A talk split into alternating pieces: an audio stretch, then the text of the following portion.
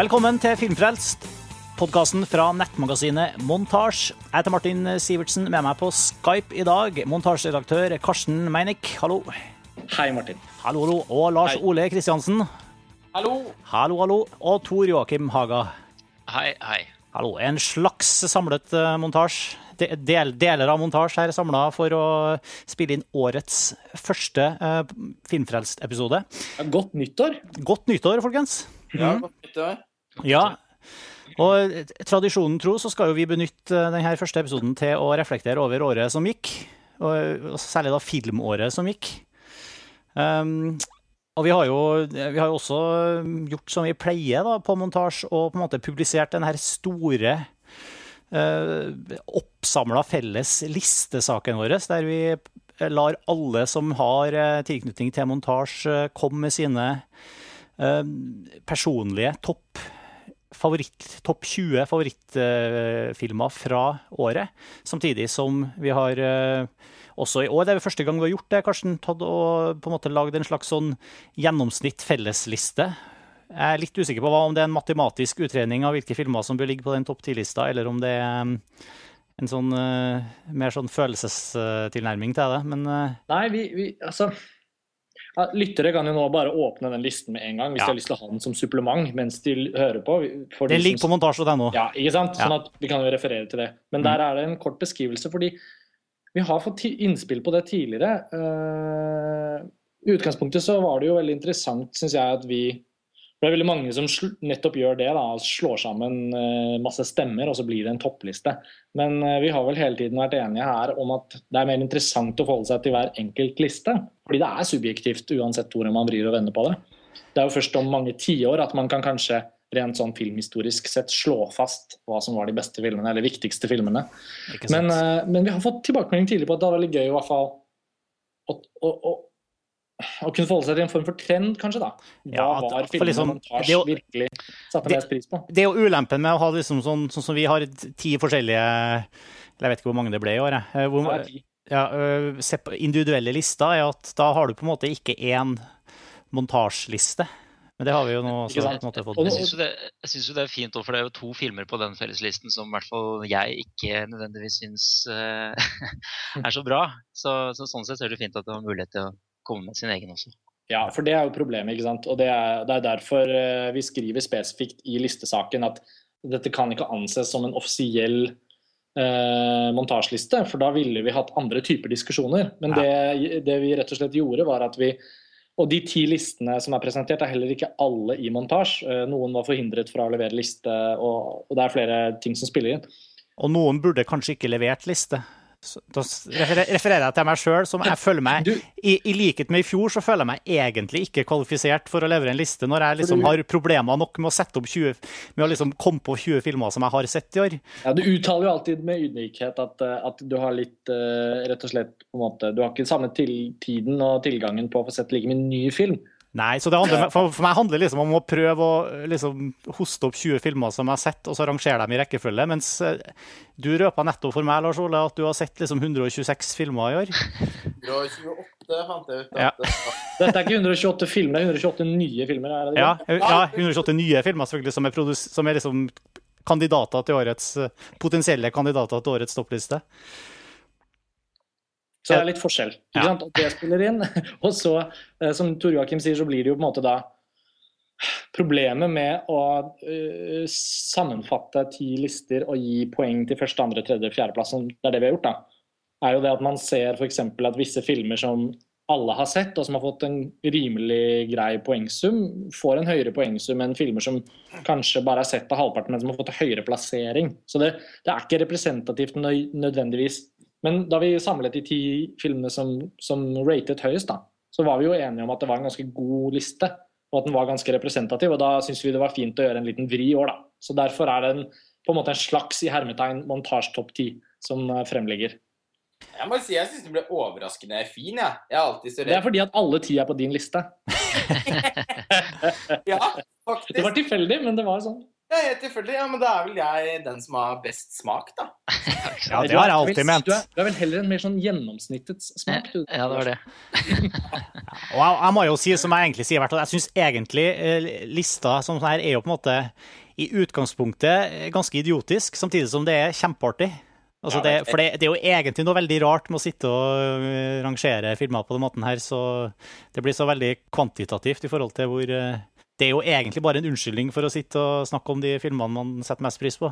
Ja, og, da, og, det, og det er jo, Vi har jo to eksempler også fra 2012. To forskjellige kåringer som ble mye diskutert på montasje. Og Da hadde vi jo det samme problemet. Eh, Da vi hadde en eh, artikkel eh, på sensommeren i forbindelse med Kon-Tiki. Ja.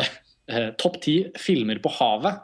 Ja, det var en fryd å lage den listen, men det var jo selvfølgelig også veldig mange som tok opp at de ikke kunne forstå hvordan man vurderte sånn eller sånn. Er Der var det jo en er vurdering av hvor gode filmene var i forhold til å være på havet. Og se 'Haisommer' som ikke kom øverst, er jo kanskje den filmen filmen som er best. Bla, bla, bla. bla, Ja, Så det, men det handler liksom bare om at vi, da får man liksom eh, påskuddet til å trekke fram filmer fordi de passer inn under gitte kategorier i visse sammenhenger. Nettopp, ikke sant? En film som John Hustons 'Moby Dick' eller, eh, eller Alfred Hitchcocks 'Lifeboat' er jo kanskje filmer som ikke i like stor grad får en anledning til å bli trukket fram, og da var den listen en god anledning. Og på samme måten så var det jo sånn med Sight and Sounds kåring av tidenes beste filmer, som vi hadde en, opp, en episode her på Filmfrelst hvor Joakim Trie var gjest, som hadde selv bidratt med liste.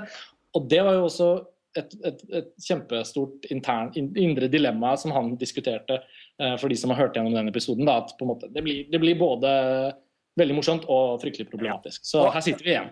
Opp, i alle disse altså den, havel, den filmer på Havel-listen var vel kanskje det litt sånn grusomste eksempelet på, på, på en veldig sånn hissig debatt etterpå. Hvor, eh, og den druknet vel kanskje også litt i Å, bokstavelig talt. Eh, druknet vel også litt eh, i, i at det var så innmari mange forbehold.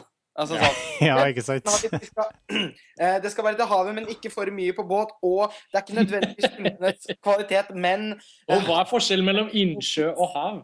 Ja. Hvor stor må en innsjø være? folk ble bare sånn What the fuck? Hvorfor er ikke Hagesommer høyere opp på listen? Liksom.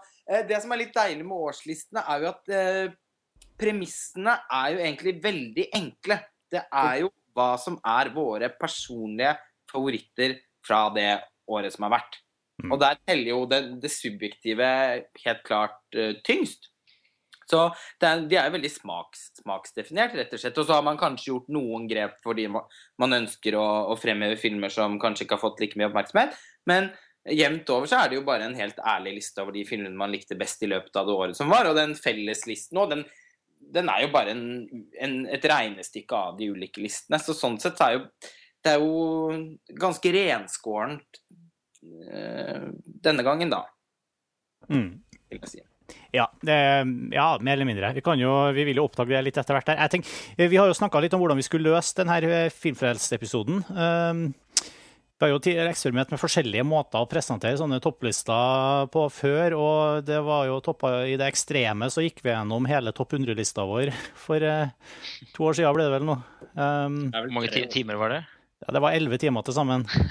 De, delt i to, to podkaster, så jeg tror fortsatt vi sitter med norgesrekorden, om ikke verdensrekorden, i, i podkasting for det. Men også nå tenkte vi at vi skulle uh, løse det på den måten at vi som er med her nå, vi fire, uh, rett og slett bare teller oss ned fra våre topp tre filmer fra filmlista. Og når vi har gjort det, på en måte, så har vi, vi snakka oss litt varme i trøya, og så kan vi gå inn og se litt på den felleslista og se om det er interessante ting å trekke fram der. Se litt på hva som har skjedd med norsk film i år, og så, eh, om vi får tid da, se litt på hva vi eh, vil trekke fram som, eh, som eh, Altså, vi har et par nye, et par kategorier som vi kan litt sånn tilfeldig valgt, men altså årets skuffelser for eksempel, det kan være en fin ting å snakke om, og, og årets overraskelser. Om det er ting her som på en måte fortjener å bli nevnt, eh, som ikke har havna på noen lister i år, kunne også være en, en fin ting å trekke fram.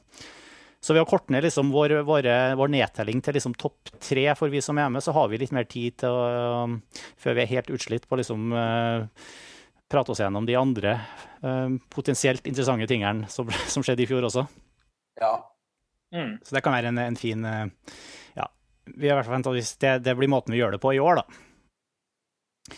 Så um, jeg vet ikke, skal vi bare hoppe i det, folkens? La oss. La oss. Hvem går først? Hvem tekker det, tekker det korteste strået? Karsten Meinik, redaktør. Vil du gå først eller sist? Nei, jeg kan godt gå senere. Kan ikke Tor Joakim starte? Tor Joakim, du får begynne. Ok. Da starter vi på nummer tre, da. Eller? Da begynner vi på nummer tre. Din eh, topp, din så tredjeplass kanskje man for kan si litt Jeg er litt hypp på å høre litt først liksom hvordan det var å lage årets liste. Ja, det kan vi godt Ja. begynne. Mm. Ja, altså det er eh, Jeg har jo ikke sett så mye filmer som eh, Lars Ole, selvfølgelig. Eh, kanskje sett litt mer enn eh, Martin, men jeg er nok sånn mellomsjiktet. Så det var ikke sånn veldig lett for meg å lage en, en topp 20 heller. Det føler jeg nesten ikke at det er eh, noe år, jeg. Jeg ser også veldig mye sånn gammel film og, ting som ikke er fra året, så det, det er alltid en liten utfordring. Um, men jeg har nok klart å samle sammen eh, 20 filmer jeg kan stå bak, i hvert fall på min liste. Også et par også sånne hederlige omtaler. Uh, ja. Um, min tredjeplass, hvis jeg går over på det, så uh, der har jeg altså satt eh, en film som også faller faktisk i kategorien eh, en av årets store overraskelser for min del. Det var eh, Ryan Johnsons 'Looper'. Eh, som da altså er en sånn tidsreisetriller. Eh, jeg, det eneste jeg visste om den egentlig på forhånd, var en sånn Jeg lurte på om du, Karsten, som posta en sånn trailer med noen sånn veldig eh, animerte sekvenser. Ja. Vi hadde en liten uh, kortklipt uh, nyhetssak eh, på, Ja, det var ja, ute på nettmagasinet. For de hadde jo laget en helt egen versjon av teaser-traileren som var animert. Den var veldig fin. Så jeg ble også litt sånn som deg. Det var sånn, wow, det var først da jeg ble litt nysgjerrig på den filmen. Jeg tror faktisk at det var en sånn ikke som eh, fra traileren som ble plukka opp av Ja, det, man skulle tro det, men det var ikke det, for jeg måtte sjekke selv. Måtte du sjekke? Ok, Jeg innbiller ja, meg at jeg hørte en podkast der Ryan Johnson var med, og, og innbiller meg at, eh, at det ble Kanskje sagt noe om det. Men det er kanskje det er flere. For jeg bare, akkurat den spesifikke her, den, lå ut, den endte opp med å ligge på Apple Trailers også. Og den, eh, jo, men som ble, som ble snappa opp, og ja, men, den, Ja. men så var det et intervju med han eh, kunstneren som hadde gjort den, og det er Ah, ok. broren til Ryan Johnson. Ja, OK. Så okay. godt Da, ja, da var kanskje, så, sånn var det kanskje. Mm. Ja. Noen sånne links der, i hvert fall. Ja. Så, men, men det var i hvert fall da jeg fikk eh, øynene opp for hva dette kunne bli. da. Eh, Men jeg fikk sett den ganske sent på året. Så, så den, det var liksom årets store overraskelse for meg, som bare gikk rett inn på, på tredjeplass. Eh, Fantastisk flott uh, visuelt uttrykk. Jeg, jeg skriver i artikkelen at det er sånn retrofittet produksjonsdesign og som setter sammen elementer, både eh, kontemporære fremtidselementer og på en måte faktisk også slags fortidselementer i en slags univers. Henter litt fra Blade Runner og Star Wars, og spesielt disse her bilene. De her, nei, de her Hoover-aktige farkostene som har sånn Star Wars-lyd og sånn. Syns jeg var veldig morsomt. Fryktelig upraktiske, livsfarlige motorer. ja, veldig. Ja. Så ja, nei, det er min nummer tre. Ja, vi har jo spilt inn en hel eh, episode om Looper. Det var vel liksom sammen Det var med du og jeg, det var det ikke det, Ja, det var vi to, kanskje. Så vi diskuterte Looper og Skyfall. Ja, Mm. to filmer som ikke hadde så veldig mye med hverandre å gjøre, men som vi tilfeldigvis hadde sett denne uka. Ja. Um, ja, jeg altså, ja. jeg må bare samstemme med deg, Tor Joakim. Jeg har jo også filmen der på, på, min, på min tredjeplass, faktisk. Så vi er vel de som har tettest sammenfallende lister. Så var, jeg, for meg også var det også det en overraskelse. Og jeg var jo også veldig usikker i forkant i forhold til hvor, sånn, som vi også snakka om, Karsten, hvor blanda eh, Hvor ujevn vi syns Brian Johnson har vært eh, før, før og liksom hva, hva vi kunne forvente av det her. Men det var for meg også så ble det liksom, er det en av årets store gleder, rett og slett. Altså. Jeg gleder meg veldig til å, til å se den. Jeg har ikke sett den igjen siden vi så den på kino den gangen. Så. Det er også litt mitt problem med egentlig å si altfor mye om den filmen, er at jeg fortsatt bare fikk sett den den ene gangen. Mm. Uh, og jeg har den i den ene underseksjonen min, da, så jeg likte den også veldig godt. Uh, jeg syns uh, For meg var det utvilsomt en veldig positiv overraskelse, fordi at jeg syns at den debutfilmen til Ryan Johnson var helt grusom. Den som het Brick, som veldig mange likte. Mm. Den jeg var helt Nesten så jeg ikke klarte å se den, faktisk. Så fryktelig jeg syns den var. Eh,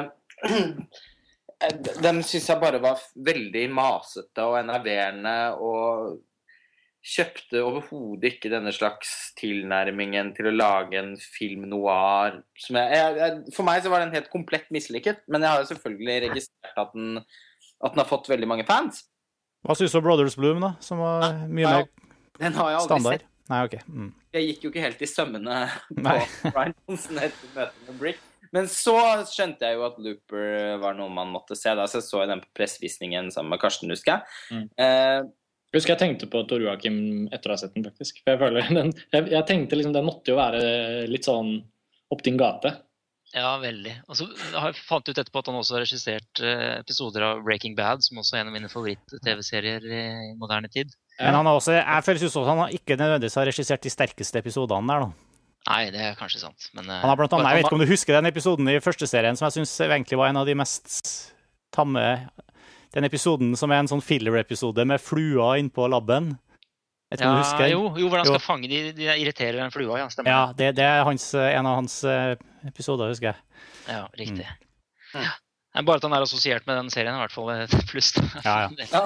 Dem som, de, dem som er ekstra interessert i Ryan Johnson, bør forresten sjekke ut Han er med på en håndfull episode Altså, han er en sånn uh, friend of the show til vår eh, skulle du si, skulle si søsterpodkast, men det er det jo ikke. Uh, Slash Filmkast, som gjør er liksom det amerikanske motstykket til det vi holder på med her. Uh, har hatt Ryan Johnson som sånn uh, gjest, i hvert fall i en tre-fire episoder. Og han er en skikkelig pussig, munter, eh, morsom type. Så, så Du, du kom, traff vel bortpå han på den ene festen i Cannes, Karsten? Gjorde du ikke det? Ja, nei, vi trenger ikke, vi trenger ikke ta sånn. Vi trenger ikke ha en sånn runde med sånn hyggelige kjendisanekdoter, altså. Men han- han- karaokefesten, da. Som Som, at så Looper. Eh, jeg, jeg, bare Philip K.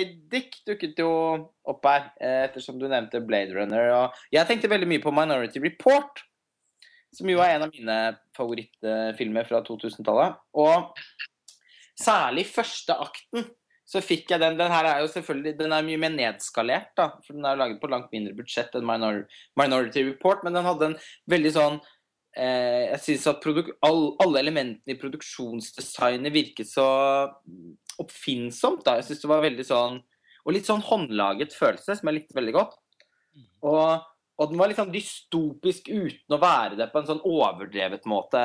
Det var, det, det var noe veldig originalt og fint eh, der, syns jeg. Jeg synes det var mer at det var sammensatt. altså Det var dette Blade Runner-elementene, eller dystopiske elementene, satt sammen med sånne eh, åkre og sol. Og så det, var, det er liksom Ja. mange ting satt sammen i en, et uttrykk. da. Men, Ja. og- Og så er det også mer sånne anime-Akira-aktige ting her òg, ikke sant?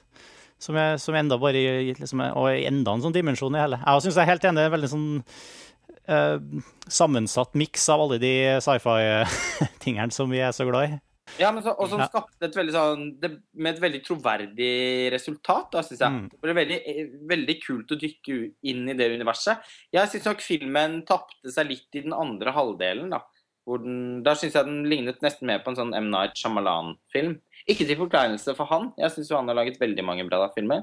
Men eh, da, da ble den liksom Da gikk den over i et litt annet sjangerlandskap som kanskje skuffet meg litt, da, ettersom jeg var så begeistret for den ganske drastisk forskjellige første Drastisk annerledes første halvdelen.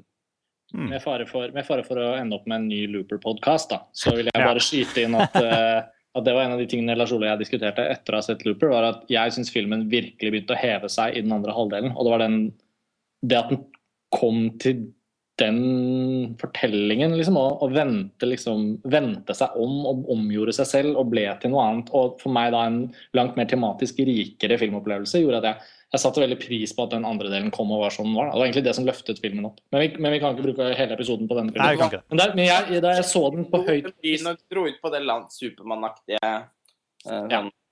Det var fantastisk når han lille gutten ble en større og større karakter, syns jeg. Men, men Tor Joakim og Martin, jeg syns det var veldig oppløftende å se den filmen såpass høyt på deres lister. Eh, nå, nå nådde den ikke like høyt opp selv hos meg, men jeg er veldig veldig enig i at når vi først startet med den, så er det en av de der skikkelige sånn, positive opplevelsene fra 2012 som, som absolutt ikke var på listen min, sånn forventningslisten da året startet. da. Det er alltid gøy med de filmene som står igjen etter et år og er sånn Dæven, det var interessant. Og forventningene til hans neste prosjekt blir jo da desto høyere. Og det har jo, ja. Og det har mye med å gjøre med Jeg vet jo at jeg og Tor Joakim er jo også litt sånn ekstra glad i eh, visse sjangre. Ja. Uh, selv om jeg vet at vi har våre uenigheter som vi kommer tilbake til senere, vet jeg. Men ja. likevel. Så jeg har nok det en viss eh, påvirkning til hvorfor den, eh, den havna Det var, høyt oppe på Men det var din tredjeplass òg, var det ikke det? Det var det, vet du. Mm. Ja. Mm. Så eh, vi kan vel kanskje da eh, Lars Ole, hva har du på tredjeplass? Der har jeg La Polonide, eller bedre kjent som House of Tolerance. av Bertram Bonello. Som eh, jeg og Karsten og noen andre, eh, noen andre montasjer òg, eh, var Fikk gleden av å se under Kosmorama i Trondheim i, i mars, var det vel? Og det var vel årets første sånn virkelig store og lamslående bra filmopplevelse. Eh, den hadde jo premiere nesten et år før i, i Cannes, i hovedkonkurransen der. Og av en eller annen grunn så fikk, man, fikk vi ikke med oss den når vi var der nede. Den fikk jo verken priser eller spesielt bra buzz, som jeg kan huske. i hvert fall. Så det var jo egentlig en film som druknet eh, litt i dette dragsuget som Cannes-festivalen kan være. Eh, og som bare piplet opp eh, helt forsiktig et års tid etterpå. Fått veldig mager distribusjon og stort sett da blitt veldig godt mottatt. Men den har ikke på langt nær fått den oppmerksomheten den fortjener, fordi den Jeg vil jo si at det er en film som jeg med Ja, det, jeg føler meg veldig komfortabel med å si at det, det rett og slett er et mesterverk. Eh, fantastisk eh, visuelt. Eh, veldig sånn sanselig film satt til et bordell eh, på, med overgangen fra eh, fra 1800-tallet til 1900-tallet, såkalte fan de siècle. Eh, og filmen tematiserer på en måte hvordan samfunnet moderniseres, og, og drar fra, fra, erotismen og fra, fra, det kroppslige og det overskridende, og, og gjennom at menneskene på en måte blir mer På en måte disiplinerer seg selv mer og mer, så, uh, så får de også et, et, større behov for å For å la det erotiske bli noe uh, mer, altså mer en slags forestilling, da. Som jo da skaper ganske forstyrrende sånn begjærspraksiser. Og det er på en måte jeg vil jo si at selv om fetisjismen også fantes før denne, tids, eh, denne tidsepoken, den har vel alltid vært der, så, så handler på en måte også litt, filmen litt om fetisjismens fødsel, syns jeg. Eh, men det er bare det rent tematiske. Ellers er det en nydelig skildring av de prostituerte eh, som bor og arbeider på, på, på dette eh, bordellet, da. Eh, og den altså det, det, er jo egentlig en ensemblefilm, er veldig mange karakterer. Men jeg føler at regissøren på ganske makeløst vis evner å gjøre at vi kommer veldig nære veldig mange av dem. At du virkelig får føle det samholdet som de, og det slags sånn søsterskapet som, som, de har eh, seg imellom. Og til slutt så blir filmen Den er ganske morbid eh, til tider. Noen eh, Til og med altså, sånn helt på grensen til å være erotisk på en nesten smakløs måte, men, men, gjør det akkurat riktig, ikke sant? Den bare, det er en film som tør veldig mye hele veien, og, og til slutt så, så, går det opp igjen blir, blir, summen av det veldig, veldig stor. Det er en kjemperikt, kjempefascinerende, veldig, veldig vakkert uh, stykke filmkunst. Så den må alle se. Mm, og få har gjort det, tror jeg. Veldig. Få har gjort det. Det står i hvert fall på, hvert fall på listen nå, da, etter at jeg så at den dukket opp på flere lister eh, ja.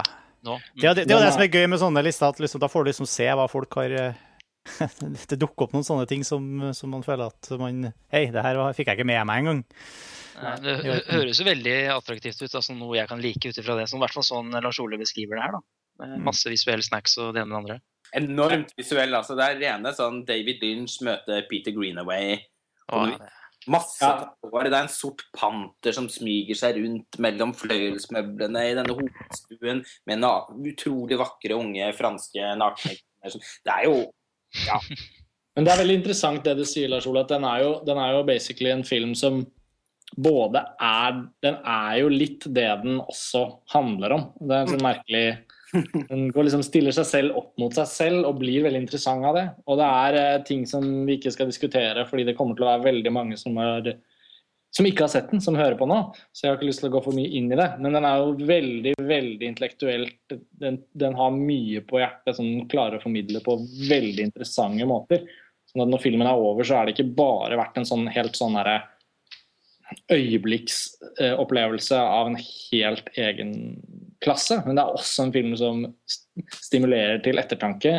Og jeg kjøpte den jo på DVD fra, fra, Storbritannia så fort den ble sluppet, og har gledet meg til å se den igjen. Jeg hadde ikke behov for å se den igjen i forbindelse med listen, for jeg visste hvor, hvor, hvor, hvor sterk jeg syns den var. Den er på sjetteplass hos meg, og, og, i et hvilket som helst annet år ville den nok vært enda høyere, men det har vært veldig mye bra, syns jeg i år, da. Men, um, så jeg bare virkelig anbefaler folk å se den, og den kunne vært, til og med vært en film jeg i fremtiden ville vært veldig åpen for at vi kanskje kunne komme tilbake og diskutert alene i en episode. Hvor man kunne gått mer inn i f.eks. ting som skjer mot slutten av historien. og sånn. Det er veldig spennende å diskutere når man har sett den flere sammen. Ja, det ja. var tilfellet i Trondheim også. Så vi hadde veldig glede av det på Kosmorama, at det var mange av oss som ikke så den. Så det var en veldig spennende film. Liksom, som du sa, da, første sånn virkelig uforglemmelige opplevelsen i 2012. Uh, og Jeg vil bare ha det nevnt, fordi jeg, ville, jeg, fant frem en link i forkant av episoden. fordi jeg regnet med at vi kom til å komme inn på denne filmen. Men den er altså til salgs eh, fra på Play, da, denne britiske DVD-butikken. Og nå er den nede i 7,50 euro.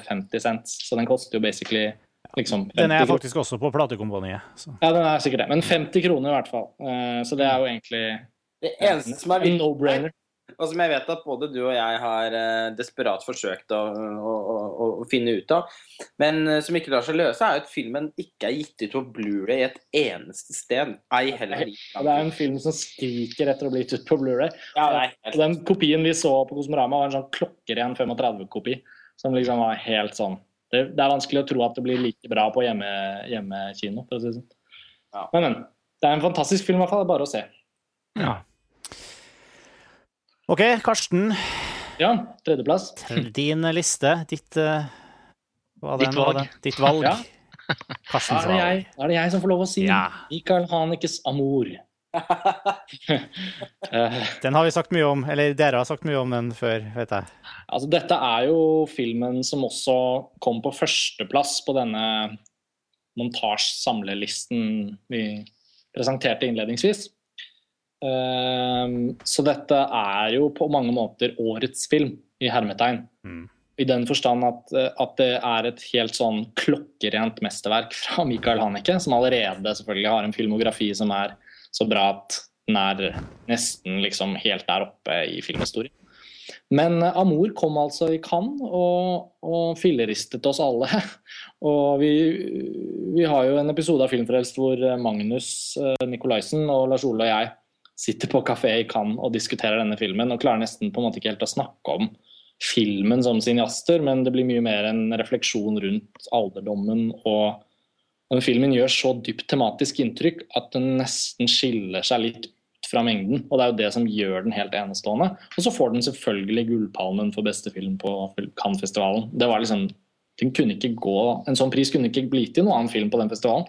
Og så Gjennom året så har den jo da sakte, men sikkert fått premiere rundt omkring i Europa. og Den fikk alle prisene på European Film Awards og hadde premiere i romjulen til en perlerad av toppkritikker fra norske kritikere også. Så at Amor er jo en bauta nesten ja, i kraft av å bare være som den er. Så det er litt sånn vanskelig å vite hvor man da begynner med å, å snakke litt om den. Fordi den, den, står jo nå nesten mest i fare for å bli snakket i hjel. At, den, at den, den må jo ses. Uh, man skal ha høye forventninger til den, men, men vi har jo allerede sett eksempler på noen fra redaksjonen som, som hadde fått så høye forventninger at, at, den på en måte ble skuffende. Samtidig så tenker jeg at den, den er så Premisset og gjennomføringen og tematikken er så klokkeren og enkel at på en eller annen måte syns jeg det er vanskelig å forestille meg hva som er feil forventninger. Det er en film om to Ja, bare skal en setning til. Det er jo en film om ektepar oppe i 80-årene i en leilighet i Paris som har en dyp og inderlig kjærlighet til hverandre, men som rammes av eh, at livet er på vei til å ta slutt. Eh, og, og kona får et slag og blir da stadig sykere og må få hjelp av ektemannen, som også selv er ganske skrøpelig til beins. Eh, og filmen blir hos dem i denne leiligheten, og det er et intimt kammerdrama om veldig veldig store tematiske spørsmål. Men den er jo ikke noe sånn altså på en måte sånn, Den er ikke sånn overflatisk sett virtuos og, og, og, og storslått og, alle de tingene som man kanskje forventer fra noe som da er i hermetegn årets film. Den er på en måte helt nede på et sånt primalplan. Og det var det jeg tror vi endte opp med å komme inn på litt naturlig i den podkastepisoden fra Cannes. fordi vi hadde ikke noe rammeverk som gjorde at vi ønsket å plassere den i Hanekes filmografi eller snakke om filmspråk. Sånn. Det ble helt meningsløst. da. Og når vi nå sitter her med denne episoden, så føler jeg at jeg fremdeles ikke har det helt klart for meg som sånn samtaleemne. Jeg syns den er tindrende og, og i særklasse. Og, og på tredjeplass. det høres Mm. mm. Ja. På tredjeplass, ja. Ja. Men jeg bare skulle skytte noe du sa der, eh, bare, jeg skrev opp her, forventninger. altså hvor, hvor, At det har vært en sånn forventningskrasj. Det tror jeg, det har ikke nødvendigvis å gjøre med at man forventer en sånn visuell eksess, det får man som regel ikke i hans filmer. Men, eh, Det er riktig. Ja. men, men, men mer det at de kanskje forventer noen, Kanskje noen hadde forventet en mer sånn type kontroversiell brodd, som jeg skriver i min artikkel. altså en litt mer sånn Mm. eh, vågal tematikk der som man jo har hatt tidligere, kanskje enda sterkere samfunnskritikk, eller et eller annet sånt, og så får du egentlig bare litt sånn var, var og nær eh, beskrivelse. Det var derfor jeg kalte den for eh, på en måte Mike, Michael Hanekes eh, The Straight Story. Ja, ikke sant? sånn. Og, og Lars Ole, du kommer jo også inn på dette med at den i, i aller mest positiv forstand blir litt som en sånn typisk sånn gammelmannsfilm. At nå har filmskaperen gjort seg ferdig med visse ting. Nå vil han bare reflektere over noe som er vakkert, på en måte. Ja. Mhm. Og den, men uten at, eh, uten at den, den blir ikke Saraband heller, liksom. Den blir faktisk heller scener fra et ekteskap, da. Hvis vi skal trekke sammenligninger til en annen filmkunstner som melder seg når man snakker om amor. Det er jo da selvfølgelig Ingmar Bergman. Og på samme måte som scener fra et ekteskap av Ingmar Bergmansk, så også mest som visuelt nedstyrt. Nå har han laget så fryktelig mange filmer, så det finnes jo mange andre eksempler på det samme. Men av de mest kjente filmene hans, da, så er jo den, den også den klart mest visuelt asketiske. Stort sett Ja. nære ansikter som snakker sammen. Ja. Eller også, også litt eh, Who's Afraid of Virginia Woolf, selv om det er en annen tematikk, så er det også litt sånn så samme estetikk med det intense eh, mellom en mann og en kone i et, inne i et hus. Ja, ikke sant. Og, og mindre også eh, Kanskje også litt mindre symboltung da enn en, eh, en del av de andre Haneke-filmene. Det det- den mest Likevel så er det noe symbolbruk inni her. da. Det er det faktisk noen som har kritisert filmen for at blir i enkleste laget. Jeg er ikke enig i det. Jeg syns de fungerer. Denne duen og sånn som man kan, syns jeg er veldig, veldig Det er jo et av de grepene som jeg syns eh, virkelig er skjønnhetsskapende i det universet som opprettholder en form for sånn streit på en måte realisme. Så er det jo noe med at han, det at han tillater et sånt enkelt, nok en gang helt sånn ukomplisert symbolbruk òg. Det er jo det som befrir eh, den duen litt, for å si det sånn. Mm. Den, den er bare på en måte en due. Altså, den er umulig å misforstå som symbol, men den er heller ikke overdreven. Eh, så jeg er ikke enig i den kritikken, jeg heller. Og, og tenk liksom hvordan filmen eh, Tenk så ofte man liksom er på kino og, og overveldes av virkemidler, da. Eh, så er det også Og det Jeg er jo normalt eh, jeg, så, så setter jeg veldig pris på det.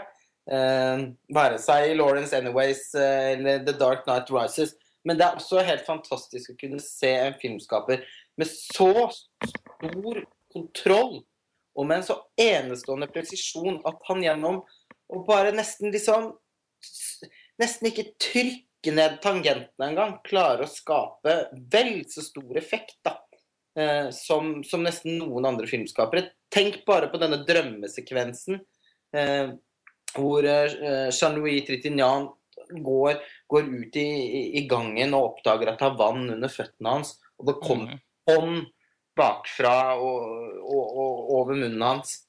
Eh, jeg husker under den morgenvisningen i Cannes at hele salen bare Mm. Opp og gispe. Da fikk man en liten sånn Haneke Ja, der var det litt sånn, nesten liksom David Lynch, følte jeg nesten der. Ja, ikke sant? Ja, det er veldig en sånn, jeg er enig med Karsten at det er veldig sånn Haneke-påminnelse. Det er meg som lager denne filmen. Ta det helt med ro. Eh, som jeg skriver i eh, listeteksten min, spanskrøret er ikke helt lagt på hylla. Mhm. Eh, Nei.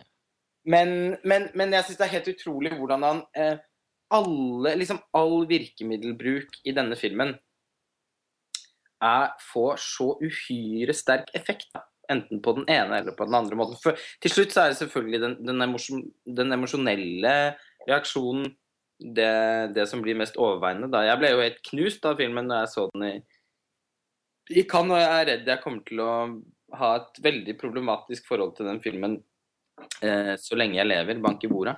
Eh, og den er jo da på min andreplass, da. Så var det Ja, jeg tenkte du Femte. Mm. Og på Martins ellevte. Ja, jeg må jo bare si at den er på min ellevte, fordi at det er en av de 20 filmene jeg har sett. i. Og, og jeg syns også det var en god film. Men jeg tilhører kanskje den kategorien som, som du var inne på.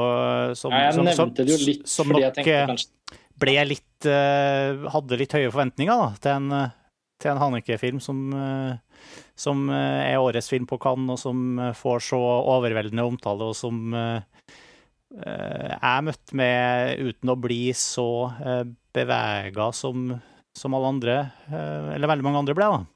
Mm. Eh, selv om jeg ikke jeg, var med på, på å bli på en måte et, Det er jo vanskelig å ikke bli eh, Ikke ta, liksom, ta den filmen inn over seg på et eller annet, en eller annen måte, men jeg er litt usikker på hva, hvorfor ikke jeg har det samme uh, nesegruset uh, beundringa for den filmen som, som, som dere har. Det, er det er mulig at um, Du er så kald og kynisk, Martin. ja, det, det, ja, men den er jo veldig sånn eh, Som du sier, den er veldig primal og, eh, og reinskåra i, hva- i det den handler om. Da. Eh, Og den er veldig sånn humanistisk. Den går liksom på Den er veldig sånn spissa og fokusert på, på temaet. Og ehm, jeg, jeg, jeg mis- mistenker at det er en viss sånn hit or miss-faktor der, da, som, eh, som eh, altså det, og, det, og det er jo ikke Altså, jeg syns jo tematikken og sånn, det er jo, det er jo sånn som er relevant for altså Det er jo en sånn universal eh, tematikk som det er vanskelig å ikke gå og reflektere over uh, livet og døden og alderdom og sånn etter å ha sett den filmen. og sånn, Men, uh, men, jeg, men jeg beundrer den først og fremst pga. intensiteten og, og, og, og på en måte skuespill. sånn. Men jeg syns ikke det var noen spesielt eh, god film å se. Da. Eh, Ikke, og ikke bare fordi den er, ganske deprimerende, eh, og, og samtidig en, eh, ganske statisk og sånn, men, men fordi Ja, det var, det var ikke en gledelig film for meg, da. Og da, ja. Jeg vet ikke, Det er vanskelig å sette ord på det, egentlig. Da har jo dere også erfart noen i filmen her. Men, men det, jeg syns likevel det var en sterk og god film. Mm. På alle måter. Men det litt ja, det, har, det har jo litt med tematikken òg, som man blir konfrontert med på, på forskjellige måter. Jeg tror det er ganske sånn personlig hvordan man reagerer på å se sånne scener som utspiller seg i den filmen. Ja, litt avhengig sikkert av man, hvilke personlige erfaringer man har rundt sånne ting. Og, og ja. Eh, jeg tror nok at mye av graden av fascinasjon for den filmen handler nok også veldig mye om at man altså, Og det skjønner jeg at det ikke er like spennende for alle, men jeg, jeg tror man bare må tenke at det å følge det å følge liksom den siste fasen i livet til eh, Den siste fasen i samlivet til disse to menneskene, eh, det må på en måte jeg, og jeg skjønner at ikke det er så spennende for alle, men jeg har alltid vært veldig og veldig redd for, for alderdommen og, og døden, og ble tidlig veldig obsesst i Bergman og sånn. Det Ikke på, nødvendigvis bare på en positiv måte heller, men eh, Amor eh, ble for meg også, i tillegg til filmens jeg vil si veldig åpenbare kvaliteter, da. den har jo et helt fantastisk skuespill. Eh, I tillegg til den, den visuelle disiplinen som, som Haneke utviser, da, som vi har snakket om. Men den eh, eh, Ja, nå glapp det for meg. Ja, Ja, det, det er en vanskelig film å snakke om, i hvert fall. Det erfarer vi alle sammen. Selv om vi, snakker, vi, vi prøver mye. Ja, men altså, sånn, det er i hvert fall noe med eh, for, meg så ble det en såpass tøff, eh, tøff eh, emosjonell opplevelse som jeg vet jeg kommer til å ha med meg eh, som en referanse, rett og slett. da. Sånn, dette er filmen. Nå har noen laget en film om det. Det som alle til slutt opplever på en eller annen måte i livene sine. Og som ingen syns det er spesielt spennende å lage film om. Så derfor er det ingen som har gjort det på den måten som Annika har gjort før nå. At menneskeheten bare kan si tusen takk. Nå fikk vi det. Ja, men jeg, men jeg tror kanskje jeg, jeg føler også at jeg hadde mye av det som den filmen her tvinger meg til å tenke på, da har jeg også ja, Det har kanskje litt med å gjøre at jeg kanskje har, jeg har tenkt en Altså, jeg har allerede Jeg føler ikke at filmen fikk meg til å se mye av det her i et nytt lys, da, på en måte. Altså, Du bare jeg- been there, done that, på en måte? det ja, ja, på en måte, kanskje. Ja, jeg, jeg, jeg, har vært gjennom en del av de tankeprosessene her før som jeg føler at den filmen utsatte meg for. da. Mm. Ja. Så kanskje har litt med det å gjøre. Mm. Jeg følte også behov for å nevne det i den teksten min i listen, mm. som du sier, Lars Ole. Altså, det er jo på godt og vondt en referanse for alderdommen, liksom, som vi mm. nå må ha med oss. Så Men altså, for å bare avslutte her, altså. Det er jo Det er en av våre viktige filmer. Ja. ja. altså, det er et helt enestående verk, på en måte. altså sånn det er jo en av de få hvor jeg syns det er verdt å si at den er litt hevet over subjektivitet. At den har det der med seg. Den, den står der liksom allerede. Den er liksom blitt en påle før året er over. Mm. Så, så, det er jo ikke rart at den da til slutt kom på topp på samlelisten. da. Nå skal vi jo gå gjennom den senere, men det er verdt å nevne da at den var, Amor var da så høyt plassert på alle listene til sammen at, at den sto igjen som eneren. Mm. Mm. Men det var min tredjeplass. Det var din tredjeplass. Uh, og jeg har allerede vært innom min, eh, min, looper, så da er vi faktisk tilbake på deg igjen, Tor Joakim. Og din uh... Er vi på plass nummer to? Vi er på andreplassen nå. Jeg går unna. Ja, ja eh, Hva er min nummer to, da? Må bare Ja, det var det. Ja, ja, ja, ja, ja, ja, ja. Det er jo da selvfølgelig uh, Hobbiten, da. Uh, en uventet reise. Jeg har jo, jeg har snakket, jeg føler jeg har snakka den eh, i senk, altså. Ja, vi har jo nettopp spilt inn en podkast om Hobbiten. ja, vi kan jo ta en litt kort, kort runde ja. på Hobbiten, da. Men... Ja, et stikkord for den for meg er jo opplevelser igjen. og Jeg elsker jo film, audiovisuelle filmopplevelser. og det fikk jeg jo til gangs her. Jeg så den jo da i dette 3D HFR-formatet. Så og det var den største eh, filmopplevelsen sånn rent audiovisuelt jeg har hatt siden, siden Avatar, som jeg skriver i, i artikkelen også. Eh, hvor jeg kommer tilbake til kjente steder. Jeg kan eh, føle nærmest ta, strekke ut en hånd og ta på disse tingene som er rundt omkring. Og eh, at man bruker tid på enkelte sekvenser og lar det liksom spille seg ut i sitt eget tempo, spesielt åpningen, da. Så, så den er liksom 90 95% fantastisk, og så er det kanskje 5% som er litt sånn som jeg kanskje kunne Jeg ville løst på en annen måte, da, dette med, med Radagast Brown og sånne ting. Men eh, nei, det var deilig å se at, eh, at gløden for dette universet fremdeles er eh, til stede hos Peter Jackson. Det er min nummer to. Det var jo også, altså, og Vi brukte jo en hel podkast på, på, å prøve å finne ting å plukke på på en film. Og det var jo ganske mye egentlig som, som det går an å, å, å pirke på her, og som ikke var helt på en måte velpolert rent sånn filmmessig, og kanskje en av grunnene til at den ikke havna så høyt oppe på så mange lister. Det her som, som var på en måte en av årets store filmer, en av de mest sette filmene på kino. Mm. Så, men, men jeg, jeg, har jo også hobby, jeg, jo, jeg overraska meg sjøl litt ved å sette Hobbiten helt på toppen av lista mi. Ja, det gjorde jeg. Eh, til tross for at jeg heller også ikke på en måte falt pladask for filmfortellinga, egentlig. Men jeg, jeg, jeg, hadde, jeg følte når jeg skulle sitte og sette sammen den lista, så hadde jeg kommet litt til den samme konklusjonen som du gjorde, Lars, nei, Tor Joakim. Og, og, og, jeg måtte liksom innse at det her var den råeste, mest oppslukende kinoopplevelsen jeg har hatt. Og det har mye med det rent sånn tekniske, audiovisuelle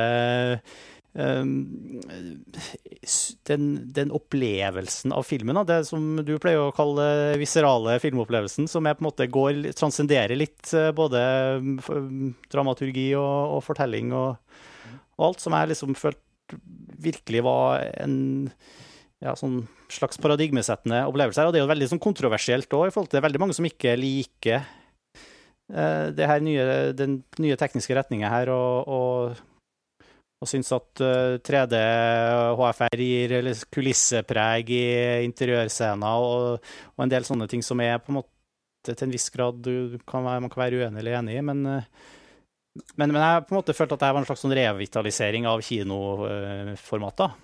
Mm -hmm. For min del. Ja, helt klart. Som, ja, mm. jeg, jeg, vi, ja, nok en gang, vi diskuterte det jo, men, men, når vi først da har en liten ny runde kort, så, mm så er det jo, er det jo liksom allerede nå sånn at filmen har sunket inn på en litt annen måte enn da vi diskuterte den sist. Uh, og jeg blir, blir, på en måte både tryggere og tryggere på at uh, de svakhetene dessverre da, i Hobbiten kanskje kommer til å bli tydeligere og tydeligere. Mm. Uh, en uventet reise, mener jeg. men at jeg har egentlig sakte, men sikkert begynt å få veldig stor tro på de to neste filmene.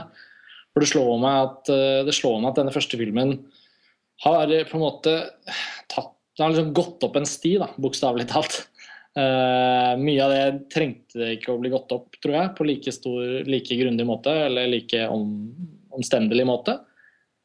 Men jeg har veldig god følelse for de to neste filmene. Så på en eller annen merkelig måte så har jeg en følelse at denne første Hobbiten dessverre vil bli ikke Ja, den, blir, den, kommer nok til å bli stående som en litt svakere film for meg etter hvert. Sånn, I hvert fall når man liksom tenker på den. En ting er opplevelsen. Jeg er veldig enig med deg, Tor Joakim, at det er noe med at man må verdsette det å bare sitte der og være i en så, så omfattende filmopplevelse, og nesten takke for at den fins. Eh, men på en annen måte, når man da sitter og bare tenker på fortellingen og sitter og tenker på hva filmen egentlig var, så er jeg redd den kommer til å fortsette å, å, å blekne litt. Men jeg gleder meg ikke noe mindre til de to neste filmene. Så der er jeg liksom glad for at det er en sånn balanse. Og, og, alle, vi tre hadde jo muligheten til å diskutere den på podkasten, men du var jo syk, Lars Ole, så du, du, du har liksom ikke helt fått diskutert, men jeg vet jo at du har jobbet på et lite verk av en uh, artikkel. ja. uh, så du må ikke brenne alle poengene dine, men du har vel kanskje litt behov for å, si noe? Ja, jeg har vel det. For, for jeg har jo da måttet sette filmen den har jo pliktskyldig måttet bli med på listen min, men den er jo liksom Den er ikke på topp 20, den er jo da på, på en sånn hederlig omtale hos meg. Og, og, på en eller annen måte vet jeg ikke helt hvor hederlig den kan være heller. Rent bortsett fra at jeg har fått sett filmen tre ganger på kino, og, og jeg syns jo selvfølgelig det er mye å glede seg over der, i den forstand at jeg syns det er gøy å være tilbake i Midgard, og jeg syns det er gøy å se hva, altså bare se hvilke grep Peter Jackson gjør i seg selv, syns jeg er, øh, synes jeg er øh, spennende. Og det er noen enestående bra enkeltsekvenser der. Men summa summarum så er nok, er nok Hobbiten kanskje den største skuffelsen i filmlivet mitt så langt, da. Den er vel på, helt på linje med det eh, Star Wars-fansen Nå ble jeg litt Star Wars-fans eh, sånn egentlig rundt da den kom. Så, var, så, så, jeg har en litt annen eh, det, det var jo Ja, jeg har en litt annen historie rundt det, men eh, Star Wars for deg begynte med Phantom Menace? ikke sant? Nei, altså det begynte ikke med det. Altså, sånn, for meg så var ikke det liksom For meg var det bare kult at det kom en ny Star Wars-film, for det var ikke så lenge siden jeg hadde blitt kjent med originaltrilogien.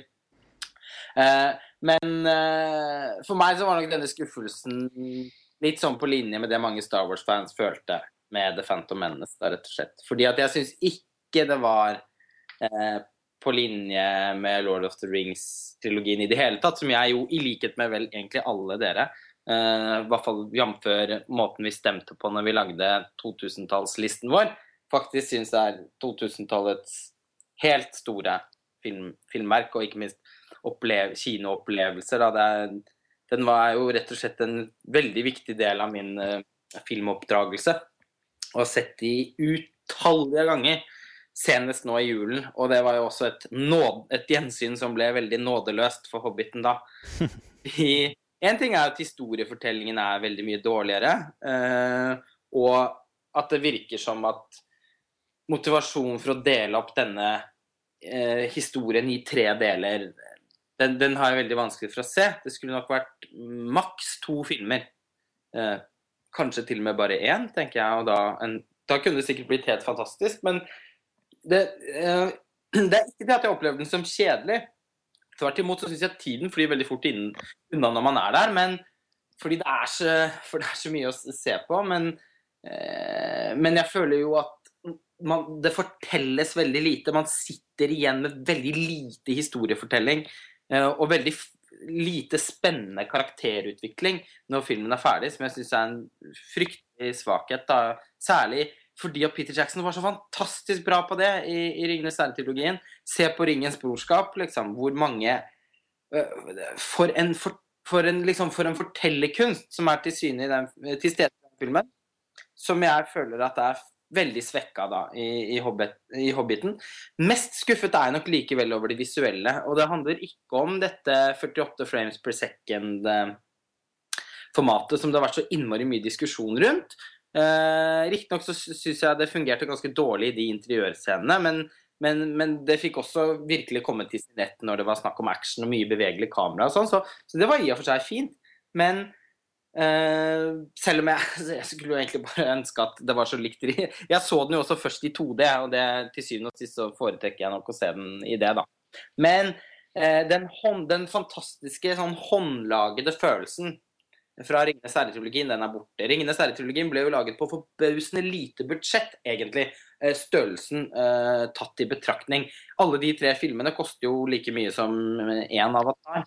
Og eh, med tanke på hvor enorme de er, da, de er mye mer storslåtte enn Hobbiten. Og ikke minst, Hobbiten foregår jo stort sett i noe sånn eh, gresslandskap. Eh, I i Ringenes herre-trilogien er det jo location på location på location og noe, noe scenografi ut av en annen verden, da. Eh, og ikke bare liksom to-tre steder, men 100 steder omtrent. Og den gangen så hadde de såpass lite budsjett at de måtte tenke veldig kreativt. altså Alle orkene måtte være sminke. Og det er ikke noe tvil om det at sminkede monstre ser utrolig mye kulere enn eh, en disse CGI-orkene som, som, dukker opp inn i Hobbiten. Eh, de var nødt til å de, var nødt til å bruke enorme miniatyrer istedenfor CGI i scenografien. Det merker man også. Og først og fremst så, så, så syns jeg man merker at fotoarbeidet denne gangen er, eh, er langt mindre inspirert. Og jeg syns det var helt fantastisk det Peter Jackson og Andrew Lesney, fotografen, fikk til i 'Ringenes herre'. Det er ikke bare er et vanvittig liksom, dynamisk kameraarbeid, det er på en måte Jack Masse sånn spennende bildekomposisjoner. De har liksom gjort maksimalt ut av alt hele tiden. Som gir et sånn islett av noe virkelig sånn eh, nesten kunstfilmaktig da, oppi dette i utgangspunktet veldig eh, brede fantasy-universet. Eh, her syns jeg estetikken på sitt minst inspirerte nesten mine mer enn naturfilm. Altså, veldig, veldig mye mindre spennende lyssettinger. Eh, mindre dramatikk da i det visuelle. Selvfølgelig med noen takter. Jeg syns jo sekvensen med Gollum og Bilbo var helt fantastisk. Jeg syns at scenen med ørnene mot slutten av filmen var helt gåsehudframkallende. Der syns jeg Jackson fikk, også fikk til den derre overskridende episke følelsen som finnes i 'Ringenes herre', hvor man bare glemmer sånne hitch eller svulst, hvor det bare da til å være med. Og det var helt fantastisk. Og den sekvensen har jeg gledet meg til alle tre gangene, eller de to neste gangene jeg har sett filmen. Eh, prologen eh, er også ganske fenomenal, syns jeg, med dette fantastiske Ragd-borgen i Erebor og, og, alvene som kommer over fjellet der med den hjorten og sånn. Der er det veldig mye på gang, syns jeg. Kam, altså, måten han har visualisert borgen i Erebor på, sånn syns jeg er fryktelig, fryktelig flott. Men innimellom dette her så puff, Til og med Howard Shores musikk, altså, syns jeg Og jeg elsker jo Howard Shore, i motsetning til Tor Joakim, vet jeg. Uh, men jeg, jeg syns det er noe uinspirert også over hans soundtrack, dessverre. Det er for mye repetisjon av gamle temaer. Det hadde hvis det var mange nye sterke, men det er det jo ikke. Det er jo nesten bare dette temaet fra, fra, fra traileren og et par subtile eh, ting til. Eh, Så eh, Lars Ole? Ja. Jeg merker at du hadde litt behov for å få tømme deg. ja. Drittfilm. Vi, jeg, jeg, bare kjente at det er utrolig forståelig. Du kommer jo inn på veldig mye som jeg tror det er mange som kanskje føler litt på, da. Uh, sånn at det var jo litt Jeg kjente sånn på vegne av deg at det var jo litt godt å høre at du fikk, fikk delt det. Det, det, kommer en, altså en analyse med en ordentlig analyse, Lars Ole, i tekstformat? Fordi at jeg var så, hadde så influensa i desember, så ble liksom Hele Hobbiten-prosessen ble veldig forskjøvet for min del. Ja. Så jeg, og så kom julen, ikke sant, med alt det innebærer. Så, så, jeg jobber på en ganske episk artikkel om Hobbiten, men nå må jeg nok eh, gjøre noen grep, sånn at den blir litt sånn eh, litt mer tilbakeskuende. Den er jo egentlig skrevet som en omtale, men sklidde jo helt ut, da. men, det, men dette det, det, det, kommer jo til å komme på montasje, og det blir jo en, sannsynligvis en interessant og fin anledning da omtrent en måned etter premiere til å, til å diskutere den på et litt annet plan igjen. Da. For den synker jo, det er merkelig, tiden vår går jo så fort også at den synker jo inn og blir plutselig en del av referansegrunnlaget sånn generelt. Altså, nå har jo nyhetsverdien ved opplevelsen sunket inn i såpass stor grad, i hvert fall for meg, det har jeg kjent på. At nå er det mer sånn Ja, Hobbiten, ja. ja det er jo den som var sånn. Mm. Jeg gleder meg jo Jeg har ikke fått sett den den tredje gang, men, men, og det tenker jeg å gjøre, men, men ja. Liksom, den, er, den, sitter der og er der. Og jeg har full forståelse for at den er høyt på lister, sånn som det, din, Tor Joakim, og, og, din, Martin. Men, um, men, jeg kjenner jo også at, det, at det, ligger ting der som man må snakke om fordi vår generasjon, særlig oss, da, har jo hatt 'Ringenes herre'-trilogien som et så stort nedslag at det blir helt sånn Det blir helt umulig å, å, å ikke, ikke, se den i lys av det. Og så misunner jeg på mange måter de som da kanskje er 10-11 nå, som får lov til å gå og se eh, 'Hobbiten' på kino. Og kanskje særlig de som da ikke har fått lov til å se 'Ringenes herre' ennå, men som mm. faktisk får sitt første møte med 'Hobbiten'. Og så vet jo jeg og vi at det bare blir bedre. så at eh, jeg vet, Når det er sagt, ja. har jeg jo også eh, håp eh, om at de to, og veldig tro på at de to neste filmene nok blir betraktelig bedre. For der er det jo De har jo nesten ikke fortalt noen ting av historien, så da gjenstår jo masse snacks. Uh, der, og igjen, jeg vil jo også si det, da, sånn hvis jeg skal fjerne meg fra mitt personlige forhold til Ringenes herre-trilogien, så syns jeg jo det er en, en, en, en veldig kul fantasyfilm som jeg også tenker at for målgruppen altså hadde jeg vært ti år og gått og sett denne filmen på kino, liksom, så hadde jeg jo syntes den vært helt fantastisk. Så det er, mye, det er, mye, godt å si om filmen også, men jeg følte nesten at jeg, at, at jeg måtte si det, det, vonde da. Ja. Men den var jo ikke på din andreplass. Nei, den var Nei. Hva er på din andreplass, da? Ja, det var Amor. Det var Amor, ja. Nettopp. Mm. Og Ja. Skal vi se, hvor er vi nå? Vi er på Dere hadde Nei, du hadde Er ikke på din andreplass da, Martin? Er, er det min tur nå, kanskje? Tror ja. jeg er på din andreplass. Ja. Jeg har jo Da blir det en vending. Da blir det en vending, vet du. Dette var en film som egentlig gikk litt sånn under uh, radaren min. Jeg har uh, Police på, på, på andreplass. Franske Police uh, fra regissør Mai Venn. En film som jeg egentlig Eh, ble gjort oppmerksom på av eh, Det var vel eh, Karsten og Lars Ole. Det var dere to som vi begynte å prate varmt om den på en podkast vi spilte inn. Jeg husker ikke helt hvilken episode det var, men Det kan godt ha vært Lars Ole, fordi jeg fikk sett den da Lars Ole oppfordret meg og sa at den må du ikke ikke se. Nei, da... ikke sant. Det var det jeg fikk med meg òg. Og, og, ble på en måte Det har vært i forbindelse med Kosmorama, kanskje. Ja. Men ja. Det er ganske sikker på at det var den episoden hvor vi også diskuterte John Carter etter ja. programmet. Ja, nettopp. Det må det ha vært. Mm. Ja. Og, og, uansett, det er jo en eh, For meg var det kanskje, kanskje burde det vært førsteplassen min istedenfor Hobbiten. Jeg vet ikke. Det var i hvert fall en eh, Nå avslørte du det. ja, jeg sa jo det i stad. Ja, du gjorde det. eh, men eh, men, men her, og det her er jo noe som også ble nevnt i eh, i artikkelen som du skrev, Lars Ole. Altså, for en film som, som, går så på en måte nådeløst inn i ganske sånn uh, dyster tematikk, da, uh, som, som, går rett inn på i, Du følger den herre barnevernsavdelinga i, i det parisiske politiet, hvor de altså det, Filmen handler jo mye om uh, forferdeligheter begått mot barn, og, og og de, de, menneskene som jobber med det til daglig. da. Eh, eh, samtidig så er det en film som har så mange fasetter ved seg, opplevde jeg, som underholdt så veldig, og som var på en måte veldig varm, og samtidig som den var tankevekkende og um, ja, avskyelig og forførende på samme måte på, på samme tid. Da. Og det var tårer og latter og en virkelig sånn Eh, fullverdig filmopplevelse med. Det er en veldig sånn totalt sett eh, veldig på alle måter tilfredsstillende film. Da. En, og kanskje i kontrast med f.eks. 'Amour', da, som jeg følte ikke var det, eh, på samme måte. Selv om det er kanskje en Ja, det, var, det er ikke poeng å dra inn Amour i en samtale her. Men uansett, det var For meg så ble liksom det en av de Det er kanskje en av de filmene jeg vil som sitte mest igjen fra i år, da. Mm. Mm det er rart rart hvor forskjellige vi er, altså. Ja. um, dette, nå, nå liksom, Min tur til å bli veldig sånn Lars, Lars Ole, da. Ja. For dette var jo en av de store, store skuffelsene for meg i år. Eh, mislikte filmen meget sterkt. Og, og jeg så den jo for den jeg tror Lars Ole som skrev den artikkelen, så måtte jeg se hva dette dreide seg om.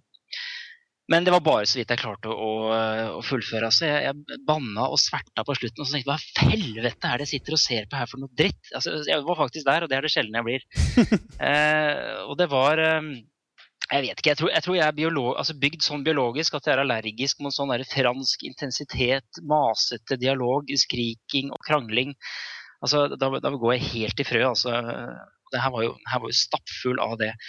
Og så ble jeg veldig frustrert av den her urealistiske altså Hvordan de hele tiden tar med seg hverdagsproblemene inn i jobben. og Lager sånne urealistiske settinger hvor de da mister totalt sin profesjonalitet. og det, det, kjøpte jeg overhodet ikke i det hele tatt.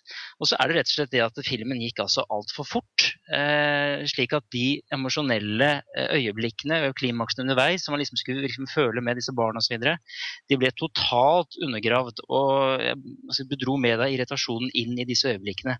Det eneste unntaket kanskje er denne sekvensen med den, med den svarte eh, gutten som blir eh, løsrevet fra sin mor. Eh, den scenen her, den var ganske sterk. Ellers så var dette helt forferdelig, altså. Beklager, Martin. da, fikk jeg, da fikk jeg kjørt litt sånn Lars Ole. Hobbiten-aktige ting. Ja, ja. Jeg må si at den er jo da på min sjetteplass i år. Jeg syns jo også 'Police' er en av årets aller, aller beste filmer. Uh, og det har jeg skrevet en artikkel om. Jeg trenger ikke å, snakke om podkast trenger ikke å snakke så mye mer om det. Men jeg syns den filmen har en, har en intensitet eh, som jeg undrer veldig sterkt. Og jeg syns den er eh, helt makeløst eh, spilt. Det er fryktelig Altså, det er et veldig stort ensemble, da, som hun Denne Mai Venn, eh, Luc Bessons ekskone eller kjæreste, har i hvert fall fikk i hvert fall et barn med Luc Besson da hun var sånn 14 år eller noe. Nei, hun var vel 16 år, ikke? Ja. ja, kanskje det. Ung, var det. Ja, hun var i hvert fall veldig ung. Jeg husker, eh, hun har i hvert fall selv snakket om deres forhold som, som Ja, men det er vel også noe av kilden til at hun har blitt så, så interessert i, i, i, i litt forstyrrede relasjoner mellom barn og voksne. Og at hun liksom Hun har bare laget to filmer før den her, som ikke har hatt noe særlig distribusjon utenfor Frankrike. Og det at hun liksom har klart å instruere ensemblet sitt på den måten hun har gjort, det er jeg fryktelig imponert over, rett og slett. At barna spiller helt vanvittig bra. Eh, og, og, snakker om fryktelig vanskelige ting. Jeg skjønner nesten ikke hvordan hun har klart det, egentlig. Og, og, og jeg syns både den er liksom tematisk ganske rik og, fryktelig, fryktelig, underholdende også. Da. Den er jo både veldig morsom og veldig forferdelig på, på samme tid. Den, skriver tror jeg at den er nesten sånn, kaster deg nesten rundt som en løve som leker med byttet sitt. Man vet aldri helt om man liksom skal pine selv om man skal slippe unna. da, Bare le seg bort, bort fra det. Det er, et, det ganske Det krever mye, tenker jeg, å, å, ha, å, å ha, så mange liksom, stemninger og toner på én gang uten å få det til å skurre. Og det syns jeg Mai Venn klarer da med Police. Fantastisk film, syns jeg. Men han overraskende slutt, da, det skal han ha, uten at jeg skal si noe om det. Det var, det var overraskende. Det, det. man, ser, man, ser, ikke den komme? Nei, det gjør man ikke. Mektig og overraskende. Ja. Mm. Få høre din uh, ikke så begeistrede opplevelse uh, Ja. Karsten? Hva? Var det meg? Ja. Om polis? Var det ikke det du sa, Lars Ole? Prøvde å si? Du, fa du, har falt litt sånn inn og ut i, ja, i de siste minuttene, Lars Ole. Bare sånn at du vet det. Hva sa du? Ja, du har falt bitte litt ut uh, på Skype her. Jeg prøvde egentlig bare å si på en fryktelig klønete måte at det var morsomt å høre at Joakim var så dypt ubegeistret. ja. ja. Det er igjen, så, som du sier, man er forskjellig, Tor Joakim. Ja, og det er det som er artig, da. Man reagerer så utrolig forskjellig på filmer som uh, ja, Man har litt forskjellig innfallsvinkel til hva film skal gjøre, og hva film er. og sånne ting. Det er jo helt naturlig. Da. Og Det syns jeg er en av de tingene som ofte kommer som blir veldig interessant på disse årslistepodkastene. Vi hadde jo en diskusjon om 'Midnight in Paris' i fjor, for eksempel, hvor jeg følte at det å høre folk argumentere mot den filmen, gjorde meg enda tryggere på hvor god jeg syns den var. ikke sant? Så det får nesten motsatt effekt. Um, og, og, med Police så Jeg skjønner deg, på en måte. Jeg har den på 17.-plass, og for meg er det en veldig god plassering i et år som dette. Jeg likte den veldig godt. Veldig glad for at jeg så den. Typisk sånn film man kunne gått glipp av. Og den er også høyt på, på mange av listene på montasje. Høyt nok til å faktisk være representert på en topp ti samleliste. Så det, det, er jo interessant for den filmen var uh, Apropos House of Tolerance, som vi snakket om i stad. Police hadde også premiere på den Cannes-festivalen i 2011, side om side med Tree of Life og, og Melancholia og filmer som nå står som, nesten som ikoner i nyere filmhistorie, liksom, som har fått et veldig nedslag. Men både House of Tolerance og Police var i den samme hovedkonkurransen. Men det var liksom, det var liksom helt tyst. Det fantes ikke interesse. Det var ingen som gikk og så dem, så ikke ut til at noen kom til å kjøpe dem inn. Det var liksom helt stille. Police fikk heldigvis norsk distribusjon, da. Og det er jo egentlig utrolig. Det skal jeg ha honnør til distributøren Arthouse der, fordi den hadde, engang, den hadde, jo ikke engang vi sett og rukket å skrive sant, indignert om på montasje om at den fortjente distribusjon. Så den, den var jo virkelig helt uh, glemt, på en måte. Og så kom den likevel, og da fikk vi sett den. Og, og jeg er jo utrolig glad og takknemlig for at den fikk norsk distribusjon. For ellers så hadde jeg nok aldri sett den. Så den er jo litt, litt, i den kategorien. Ja, og det, ja, derfor eh, ble jeg ganske positivt overrasket over at den var på så mange lister. At den, ja, når vi da skulle lage en sånn fellesliste, at den faktisk dukket opp der. For jeg trodde dette var en film som hadde gått veldig mange hus forbi. Da. Den hadde jo veldig dårlig besøk på kino, ble fort tatt av, husker jeg. Mm. Yes. Um, det var altså Police. Uh, vi er vel på din andreplass da, Karsten? Ja, kanskje det. Ja. ja. Årets nest beste film? Ja. Det er Hugo Cabret av Martin Scorsese. Yes. Den har også vært diskutert på, på Filmfrelst tidligere. Det, det, føler jeg er et gjennomgangstema her, er jo det at vi har selvfølgelig vært, uh, vært såpass kloke underveis i filmåret at vi har kommet inn på de fleste av de filmene vi liker veldig godt. Det er jo ofte de man har lyst til å diskutere også. Men Hugo Cabret er jo da Jeg skriver det på listen min. Den, den er jo filmen som virkelig har erobret en plass i hjertet mitt. Jeg, jeg er jo ikke egentlig ironisk, det er jo helt sant. Eh, jeg syns det er en helt fortryllende film. Um, mer enn jeg trodde vi kunne forvente. Jeg, jeg, husker bare nyheten om at Martin Scorsese skulle adaptere denne, denne dels tegnede, dels skrevne barneboken. Um, og tenkte ja, hvorfor ikke? Og det var liksom datteren, hans unge datter, eh, som hadde overbevist han om at han burde lage en film av den boken. Og det er jo på en måte rørende i seg selv. Men det denne filmen er, er jo at den bare er altså Den er så sjenerøs, og den er så Helt sånn nydelig fortalt. Og, og det er jo bare mesterregissørene som klarer å bruke 3D. Det tror jeg vi bare må innse.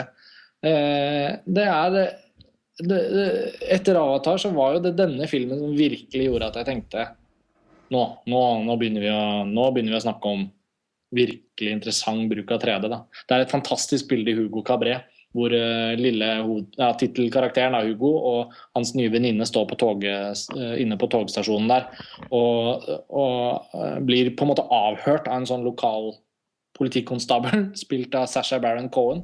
Og han mistenker at de ikke snakker sant, men han klarer ikke å påvise at de snakker usant. Så han er bare veldig mistenksom. Og i et sånt helt fantastisk nærbilde så lener denne politimannen seg ned mot barna for å på en måte understreke med en fysisk bevegelse at han følger med på dem. At ikke de skal tro at de har sluppet unna. Og det at hans ansikt i 3D lener seg liksom fra en høyerestående vinkel for kameraet plassert nede fra barnas synspunkt, lener seg på en måte inn mot oss som publikum. Det bildet var eh, bokstavelig talt eh, et av de beste eksemplene på 3D som fortellende visuelt element for meg på det tidspunktet. Uh, så har vi hatt flere fine eksempler senere, bl.a. i historien om Pi av Ang Lee, som hadde premiere i romjulen, som jeg også har på listen min på tiendeplass. Og delvis også i Hobbiten, men kanskje ikke på samme måten. Så jeg kunne snakket om utrolig mange øyeblikk i løpet av Hugo Cabret, men jeg ville bare trekke fram det fordi det var sånn helt sånn dirrende filmøyeblikk hvor jeg tenkte dette er helt, helt, helt spesielt. Jeg har ikke sittet i en, i en tredimensjonal filmopplevelse som dette følte på akkurat denne måten. Uh, og det er selvfølgelig mestere som Martin Scorsese som, som, klarer å gjøre noe helt enkelt. Et nærbilde og en karakter som lener seg frem, men få det forsterket ved at det er 3D-formatet det filmes i. Og så Ved siden av det så har man tematikken en gutt som mister, som ikke, ja, som mister faren sin, og som, uh, som leter etter tilhørighet og identitet. Uh, veldig mange sånn tematiske ting som, som er innertiere hos meg. da. Det gjelder også for fjerdeplassen min, nei, femteplassen. Unnskyld, den har gått langt ned. den. Sjuendeplassen! Beast of the Southern Wild. Jeg følte de to sto og kjempet om samme plass, og så ble det ganske stor skille, stort skille mellom dem uansett. Men jeg kunne ikke ikke ha Hugo Cabret så høyt. Uh, og egentlig er den jo nummer én. Hadde det ikke vært for at det kom en film helt ut av det blå som viste seg å være helt fantastisk. Så Hugo Cabret er det jo mange som har sett også, uh, så jeg vet at jeg ikke trenger å presentere så mye av hva den handler om. alt mulig, Men ja, den var veldig veldig spesiell for meg i år. Nei, bare skyte noe Eh, jeg har jo også satt den filmen her eh, Jeg satt på femteplass. Men jeg har jo ikke sett den i 3D i det hele tatt. Jeg har heller ikke sett den på kino. Nei, du har ikke det, nei. Eh, og likevel så lot jeg på en måte Fikk også jeg veldig det Altså den herre overflødighetshornet, altså den rikdommen i, i, Hvor teknisk fullkommen den er, på en måte. Hvor varm og rik den er på alle måter det er virkelig et sånt med Ja, det, det, er liksom stor En filmat film, som Lars Ole pleier å si. ja. Film, det er en veldig, veldig, veldig filmfilm, da, um, som er som, som, og jeg, da har jeg ikke hatt gleden av å oppleve de 3D-effektene som du snakker om heller. Um, Nei, det, Jeg syns ikke det er avgjørende, det er det, men nei. det var noe jeg ville trekke fram. For jeg syns at det, det betød noe i hvordan den skilte seg fra fra mange andre store opplevelser. Jeg, jeg har heller ikke sett den i jeg så den som deg, Martin, på mm. Blu-ray for første gang. Heller ikke i 3D. Nei. Så jeg fikk jo ikke den, den, det aspektet, dessverre. Så den, ligger, den er helt nede på min femtendeplass. da. Mm. Det betyr jo at jeg selvfølgelig likte den eh, godt, men at den ikke er helt sånn i toppsjikt. Men det som sitter igjen, er jo, er jo, en del sånne visuelle løsninger som, som, Karsten var inne på. Det som ikke sitter så godt igjen, er faktisk en del sånne historieelementer. Eh, når du gjenfortalte litt av essensen nå, Karsten, så, ja, så begynte jeg å huske litt. Men, mm. um, men dessverre, eller, dessverre, eller kanskje, kanskje, det er like greit, så det som sitter igjen, er rett og slett disse fargebruken og denne ja. togstasjonen og alle snirklingene rundt omkring der og, mm. og sånt. ja. Og så gjør den jo det. Det er alltid så, det er så yrende. Det er så mange mennesker, så mange kostymer, så mye detaljer i mm. bildene. Liksom det på en sånn Ja. Det, det bidrar veldig til, til denne rik, rikhetsfølelsen, syns jeg. Mm. Um, også. Jeg har den også på, på, listen min da jeg har den valgt å dele, lage en delt syvendeplass med den av Moonrise Kingdom. For jeg syns de passet fint sammen som de to i særklasse beste filmene eh, for barn i år. Altså, jeg liker å tenke på begge to som barn. De, det er jo et uh, det er, Jeg, jeg, synes at jeg har alltid veldig stor glede av å se filmer som er laget for barn og ungdom. Selv om jeg fortsatt er voksen. Og selv om disse filmene selvfølgelig kanskje er aller best for voksne cineaster, sånn som oss, uh, så, så syns jeg de i hvert fall representerer en sånn en barnslig fortelleg... ikke en barnslig, men en barnlig fortellerglede. Nesten en sånn ungdomskilde, da, begge de to regissørene. Nå likte jeg nok egentlig sånn Overall så er kanskje 'Moonrise Kingdom' en film som kommer til å bli spilt enda mer eh, hos meg i årene framover enn Hugo. Men, eh, men, jeg valgte å sette den på samme plass likevel. Og jeg kan jo egentlig bare skrive under på alt det fine dere sier om Hugo. Jeg syns den filmen der var helt nydelig. Eh. Som et kjærlighetsdikt fra Martin Scorsese, som kanskje er, som er en av våre største filmformidlere. Som et kjærlighetsdikt fra han eh, film, til filmhistorien som man elsker så høyt, da så er det jo nesten umulig. Ganske så rørt òg, da. Eh, det er ikke bare liksom jeg blir, Når jeg ser filmen, så blir jeg ikke bare rørt av at av, at, av, fortellingen, på en måte, men av at det er Martin Scorsese som har laget den. Mm. Ja, det, er jo, en, det, er jo, en kjærlighetsdikt eller film, film som er en kjærlighetshistorie om film òg. For det er jo også Georges Méliès her som er en betydningsfull karakter i tillegg til hovedpersonen. Og, og disse sekvensene hvor vi får gjenfortalt hvordan Georges Méliès jobbet med filmmediet som en av dets pionerer, og hvordan faktiske Georges Méliès-filmer er postkonvertert til 3D inni 3D-en til Hugo. Det er noen sånne Hvordan han bare får lov å liksom ta den kluten som er fylt opp med alt han elsker ved film, og bare vri om og bare liksom slenge det ut mot oss. Det er, er, og jeg er også veldig veldig rørt over sånne sammenhenger i filmskaperes karriere. Da. Martin Scorsese holder jo han veldig høyt, og, og det er noe sånn fantastisk med at han har fått en sånn han har fått en sånn veldig fin periode av karrieren sin. For han har jo bevist så mye at han trenger jo på en måte ikke Altså Han har jo så mange mesterverk at det blir liksom nesten kjedelig å snakke om. Og så har han fått denne fantastiske perioden sånn, litt sånn sent, som kanskje startet med 'Departed' da han endelig fikk Oscar. Og så gjør han 'Shutter Island', som nesten er en sånn eksperimentell film, og som blir kjempesuksess på box office. Og så får han disse hva det er da, 200 millioner i budsjett til å lage Hugo. Bygge disse settene og, og, gjøre den historien. Og så tjener han kanskje ikke inn alt og går kanskje ikke på profitt, men så blir filmen stående som en sånn helt sånn kompromissløst eh, liksom fortryllende. Bare sånn der, skikkelig overflødighetshorn. Eh, og, og, og, der tror jeg at eh, Jeg er enig, kanskje, for jeg syns også Moonrise Kingdom er et helt fantastisk eksempel på hvor bra filmår vi har hatt å gjøre med. da. Altså At Wes Anderson leverer en så bra film, det er jo også noe å glede seg over. Men liksom, de to filmene ved siden av hverandre, da jeg leste listen din, Lars Ole, tenkte jeg jo liksom at jo, de sidestilles med en sånn fin logikk, fordi de er så utrolig forskjellige også. Altså, de er jo nesten kan ikke bli mer forskjellige i innfallsvinkel til både det ene og det andre. Fra liksom typen skuespill til form til, til liksom Samtidig så har de det til felles en sånn kjerne som gjør at man bare får lyst til å omfavne begge filmene og liksom holde dem som en liten baby mellom armene og bare Jeg er så glad for at du er født. Ja, nå, går jeg, nå, går jeg, litt over bordet her, men er sånn, det er de filmene i år som har sånne skikkelig hjertefilmer. da. Ja, jeg er helt enig. Det er derfor jeg liksom følte at jeg Det er derfor jeg endte å komme sammen nå. Jeg, fant, jeg tenker jo alltid litt sånn hvordan skal jeg konstruere denne listen. Og da føltes det naturlig til slutt, fordi at de bare Jeg setter pris, selv om de er veldig forskjellige, så, og selv om det finnes et slags egentlig lite sprik der sånn og man går veldig detaljert til verks, så, så, setter jeg pris på de sånn på veldig den samme måten, da. Mm. Bare gå inn, gå inn, i kinosalen, vite at du skal se en film av en stor filmskaper som bare har, lager det mest sånn berusende, lykksalige, nydelige filmverket på Kanskje Ja, sånn, i hvert fall på, på, mange år. Både for Wes Anderson og Scorsese, syns jeg.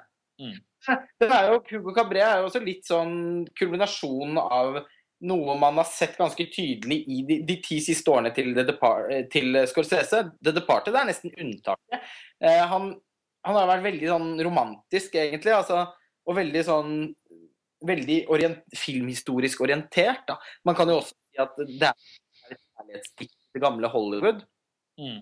Og måten den bruker liksom eh, Skifter fargefiltre, optikk og sånn underveis eh, i takt med utviklingen eh, i det tidsrommet filmen foregår. Altså, det, det, er også en link mellom den og Hugo, og, mm. og sjangereksessen i, eh, i eh, Shutter Island. Det, det, er akkurat som han liksom har bygd seg opp mot å lage denne filmen, og så får han sikkert forløst noe med det og tenker OK, nå, nå går han inn i en ny fase. Nå lager han den The Wolf of Wall Street. Det blir rått.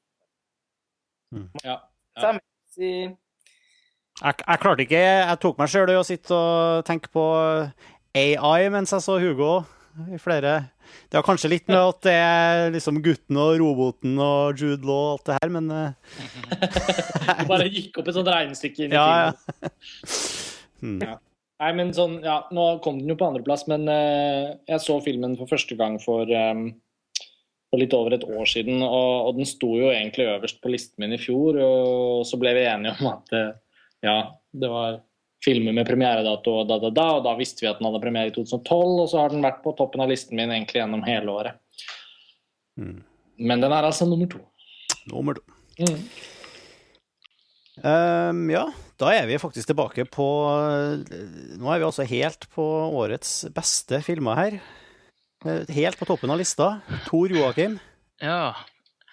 Du har ja. Eh, det, jeg, var, jeg, var, ikke overraska over det, men jeg var vel den eneste som hadde den eh, I hvert fall som hadde den på topp. Jeg var nesten den eneste som hadde den på topp ti også, tror jeg. Ja. Det tror jeg. Ellers tror jeg så hadde den plass. Ja. Jeg snakker selvfølgelig om Ridley Scotts Prometheus.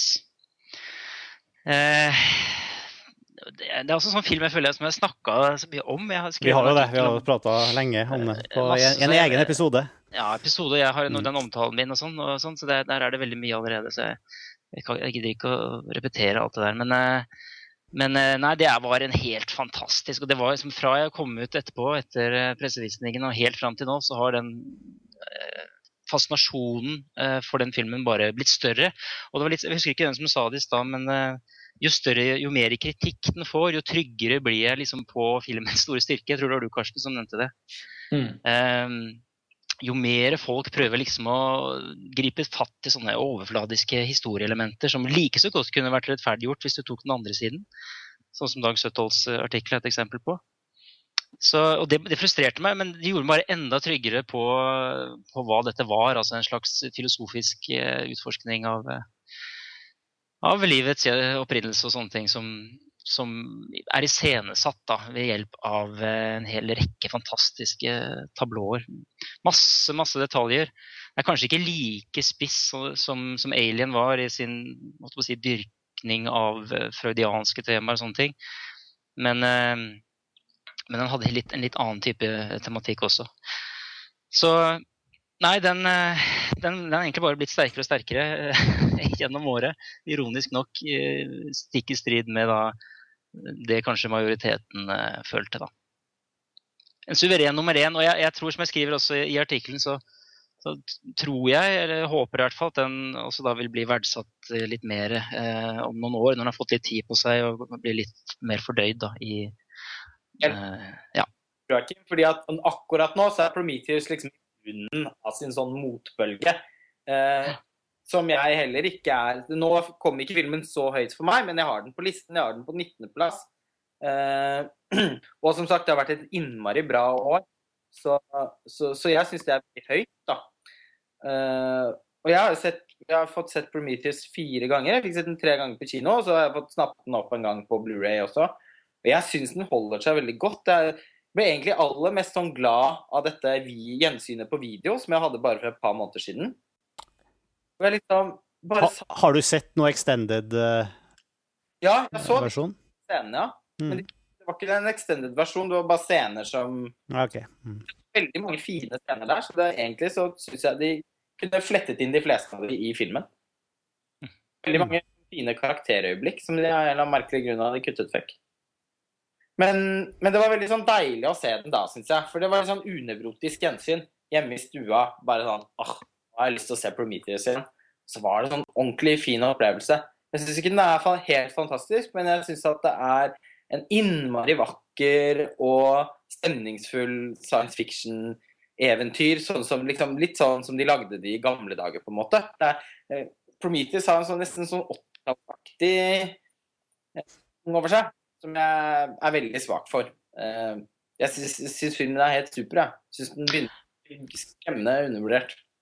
Men det, det som gjør den til en fantastisk science fiction-film, og som skiller, skiller, gjør at den skiller seg fra en del andre science fiction-filmer, er jo at den kombinerer vektig tankegods med sånn det jeg kaller for viserale opplevelser, altså ting som går rett i magen på deg, eh, bokstavelig talt, i denne filmen. Eh, og eh, Den klarer å kombinere det da, uten at det, går på bekostning av, av noen parter. Det, ja. Jeg kan være enig med at liksom, tankegodset er så veldig vektig. Der, der tror jeg vi kanskje Det føler ikke jeg så sterkt. For meg er det mest egentlig bare det opplevelsesmessige som ø, funker. Ja, det er jo det sterkeste. Men, eh, men eh, at han liksom refererer til sånn Erich von Deniken og, og temat, altså hvordan han løser det audiovisuelt, hvordan han iscenesetter den, den tematikken. Ikke ved hjelp av voiceover eller ved lange dialoger, eller sånne ting, men bare ved hjelp av, av eh, design på alt fra monstre til skip til eh, en rekke forskjellige setninger. Det er det som gjør det så ekstra fascinerende, syns jeg. Ja, og jeg, og jeg må jo si jeg ble veldig sånn opplyst også av å lese denne massive artikkelen til Dag Søttholt. Eh, om hvor han går igjennom liksom veldig mange elementer ved, ved filmen. Da. Jeg, eh, det vil jeg jo anbefale alle å gjøre. Ikke minst alle som har Det er den du snakker om der hvor han faktisk tar all kritikken som er retta mot filmen, og punkt for punkt eh, forsøker å avvæpne Mm, jo, jo, men altså det, det, det. Mm. ja, det han gjør der, er jo, det, det var liksom mer på historiefortellingen og sånn, og det, det kan man liksom diskutere frem og tilbake. Det, men det er ikke det på en måte som sitter igjen hos meg. altså Historiefortellingens feiler eller styrke. Det er det kombinasjonen av det, det tankegodset og iscenesettelsen av det, og det viserale opplevelsesaspektet. Det er liksom de, de to tingene. Mm. Men for all del, ja, interessant å lese. Gjennom historiefortellingen da, så han kommer inn på en del av det tematiske. da. Så Jo, jo da, jo da. Mm. han øh, Og det er ikke, som, som sagt, jeg er ikke, jeg er ikke så nesegrus imponert over det, men, øh, men, men jeg syns at det blir bedre av eh, Det blir i hvert fall bedre for meg etter å ha lest uh, Dag sin artikkel, da, bare fordi jeg ble sånn OK, hm, jo, det er også noe å tenke på.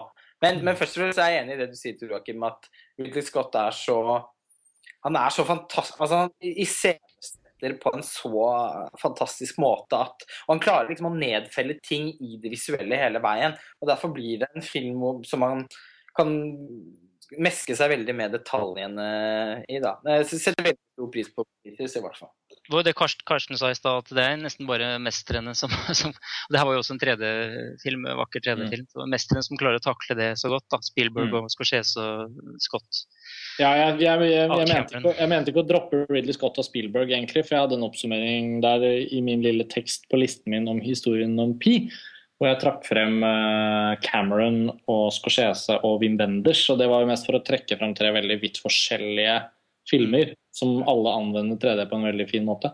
Men jeg er jo veldig enig. Jeg syns Spielberg i, i fjorårets Tintin var, var Han var på sin måte virtuos. og så og så, og så har Ridley Scott på ingen måte Uh, i, hvert fall, I hvert fall ikke gjort noe mindre ut av det enn det Spielberg gjorde. Og jeg syns jo også Prometheus Jeg så den i 3D, jeg har bare sett den den ene gangen, da, og jeg satte kjempestor pris på den. Den falt til slutt ut av listen min, for jeg følte, følte at jeg hadde ikke et eget personlig forhold til Prometheus som gjorde at jeg ønsket å trekke den fram på listen min, men den lå jo der og vaket nede på liksom, et eller annet sted mellom 15. og 35. plass, da, hvor det er mange filmer.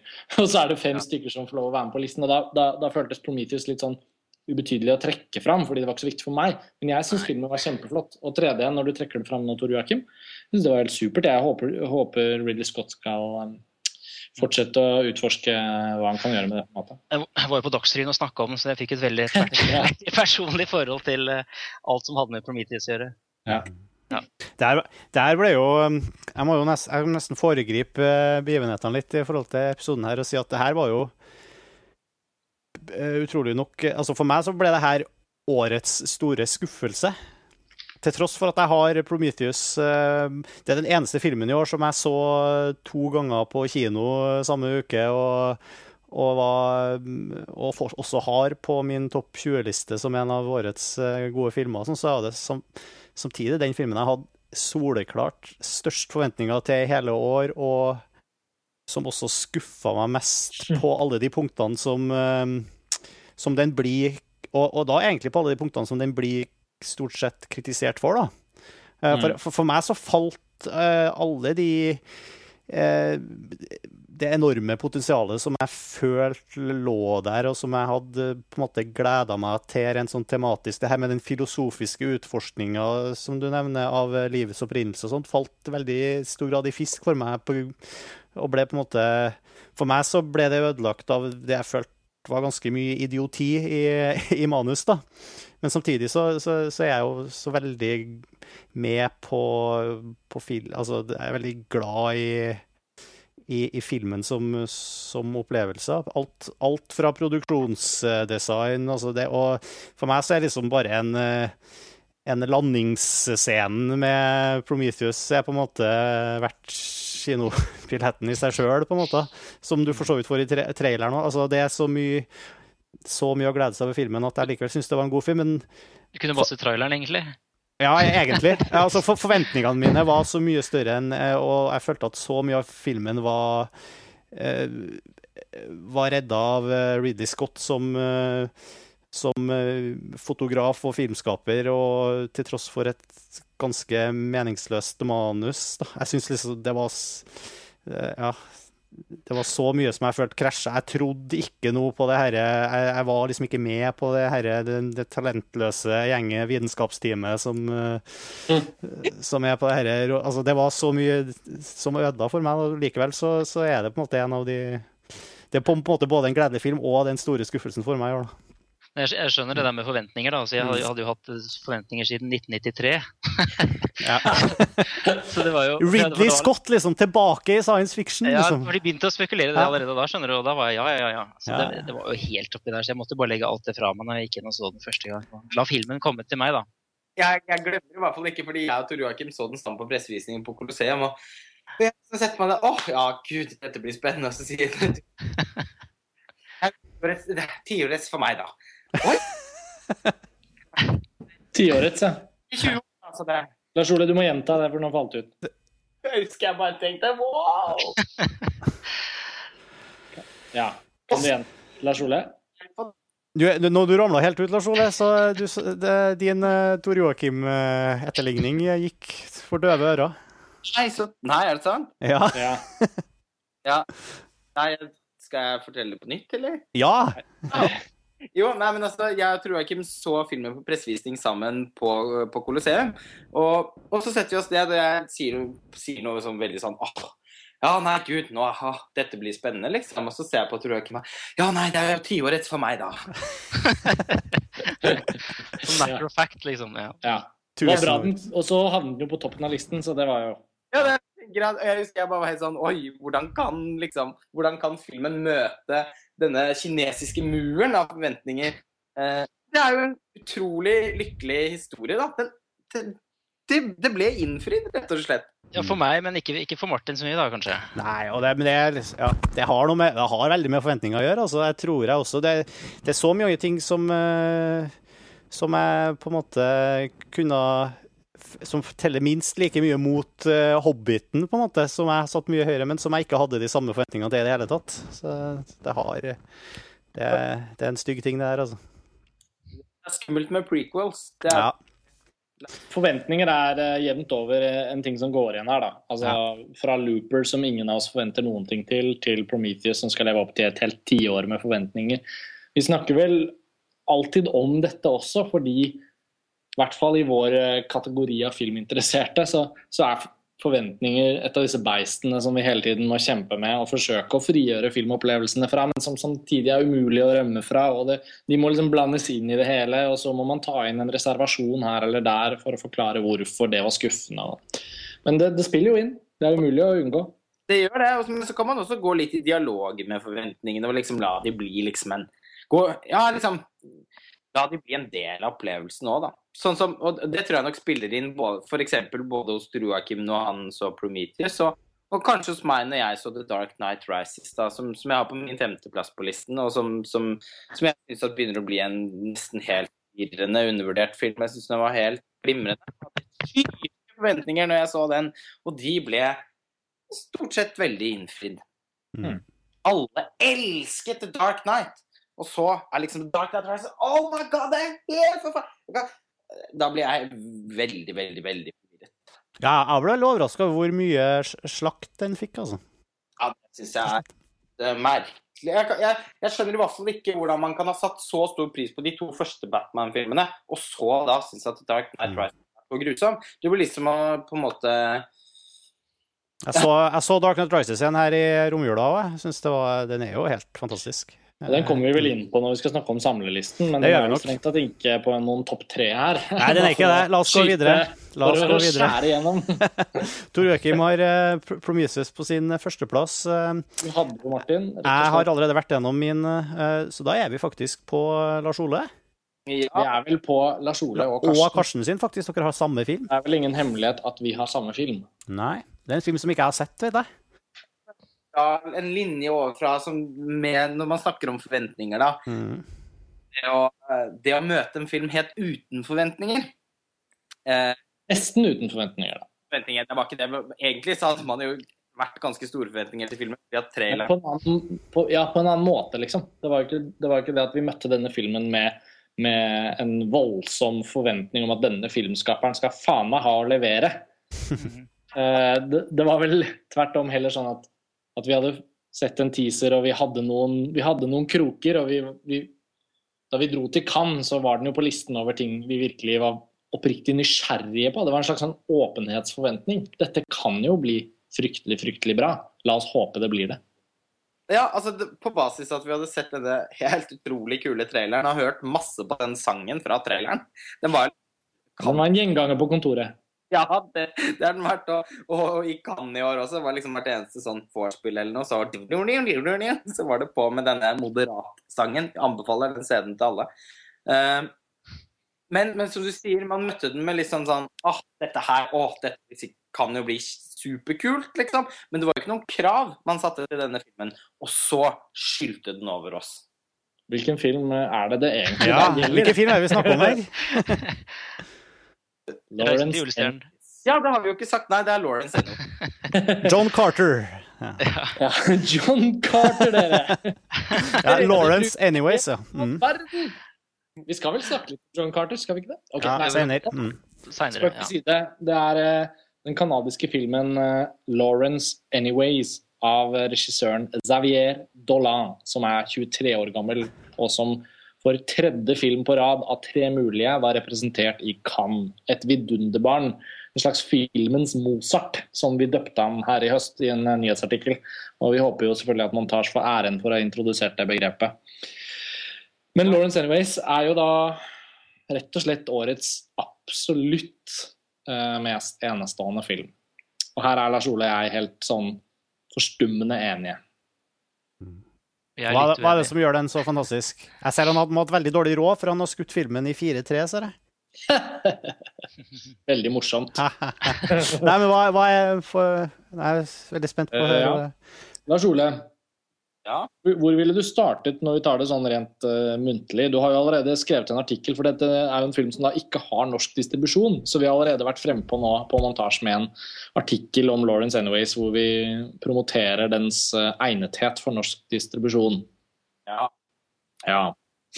Hvor jeg føler at jeg snakket så mye om denne filmen gjennom hele året at jeg Du vet ikke lik at jeg ikke er helt tom enda, men det begynner å nærme seg en slags eh, hva, hva er det mer jeg skal si?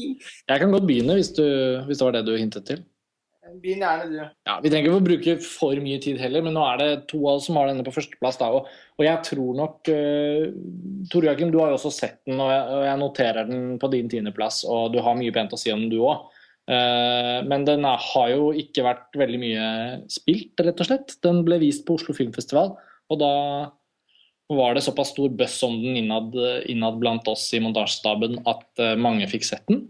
Eh, og jeg hadde gleden av ved et utrolig merkelig tilfelle, tilfeldighet. Jeg befant meg i Montreal, hvor filmen foregår, tre dager etter at den var sluppet på canadisk Blu-ray. Foreløpig den eneste utgivelsen med engelsk tekst, for dette er jo da en franskspråklig canadisk film. Så jeg eh, kikker opp på hyllen min hvor den står i en helt nydelig, flott utgave. Så jeg har hatt muligheten til å føle at den nå er gått inn i biblioteket, men for mange, og sikkert også lytterne, så er dette en film som først og fremst kanskje kan bli oppdaget nå i løpet av 2013. Da. Og vi har ikke gitt opp håpet om at den kommer til å bli distribuert i Norge. Så det er for å bare sette rammene litt.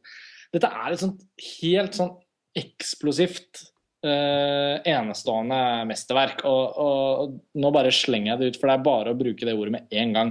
Xavier Dolan forhåpentligvis har en rekke glimrende filmer i ermet sitt, men det er litt sånn som med Scorsese at hvis du begår et fantastisk verk tidlig, så er det bare å si det med en gang. Det er, ikke jo ikke noe å gjemme, stikke under en stol eller si 'dette må vi vurdere' og sånn. Dette er sånn helt sånn totalt åpenbart. uh, for, og det var det egentlig i Cannes, men uh, vi måtte til og med forsikre oss om at den var så bra som vi trodde den var. Så ved en annen eh, halvt planlagt, halvt tilfeldig hendelse, så dro Lars Ole og jeg til Paris i august, hvor den hadde hatt premiere på kino. Og gikk inn en kokende varm formiddag på en kino og så den uten tekst. Og det var en dobbelt så bra opplevelse omtrent som første gang. Altså, det var ingen tvil.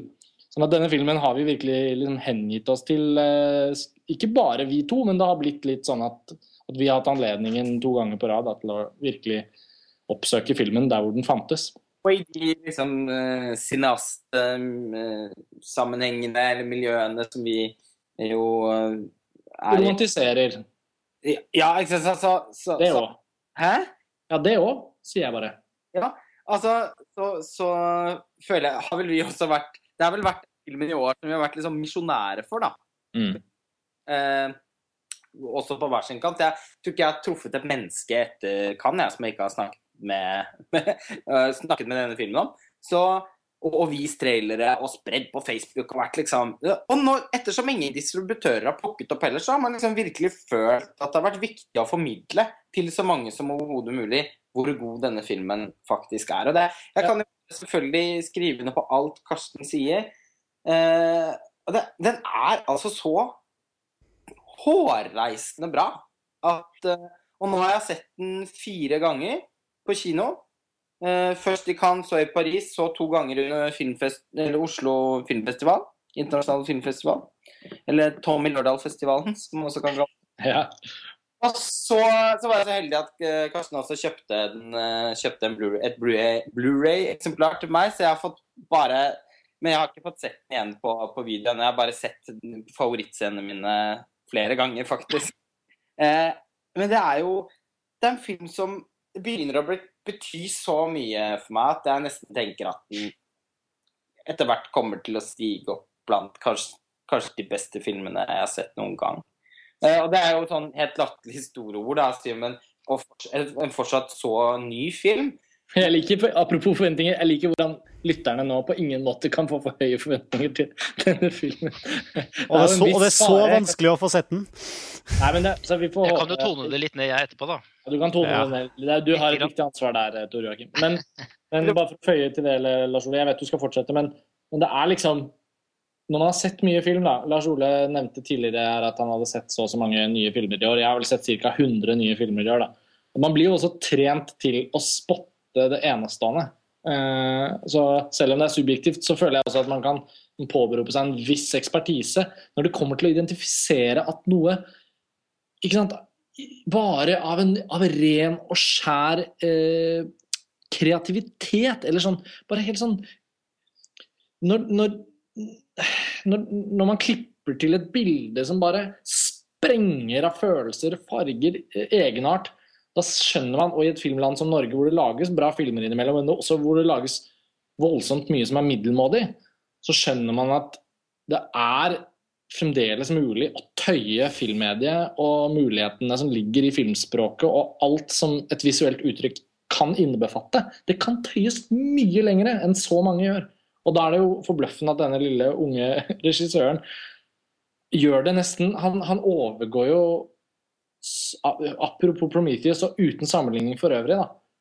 All respekt til Ridley Scott, men det er jo også helt forbløffende å se en fyr som Xavier Dolan som bare Uten å ha noe science fiction, uten å ha noe gigantisk budsjett, uten veldig mye, så klarer han liksom å flekse sånne filmmuskler som er jo så sjelden å se at, at, at, uh, ja, at nettopp noe som Lawrence Anyways da bare må løftes opp og si at dette er helt spesielt. Jeg begynte jo regelrett å skjelve første gangen uh, så den filmen. Fordi det, visuelle, altså det visuelle og audiovisuelle sjokket da, var bare helt sånn Og det er selvfølgelig også litt smaksbetinget. men det er, både, det er noe med både estetikken og, og, og, musikken, ikke minst også i denne filmen, som appellerer grenseløst. I tillegg til regi så er det også veldig mye dirigentvirksomhet. altså Han har jo en evne til å trykke på play liksom, på riktig tidspunkt.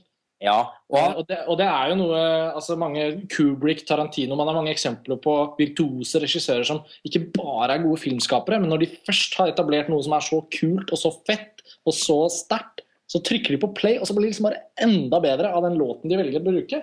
Og det er også å være filmskaper. Det er jo ikke bare, bare liksom, i hermetegn for å få et fett soundtrack. Sånn er det jo eh, Ja, Sofia Coppola er jo også verdt å nevne. absolutt. Absolutt. Tarantino. Ja. Han ble.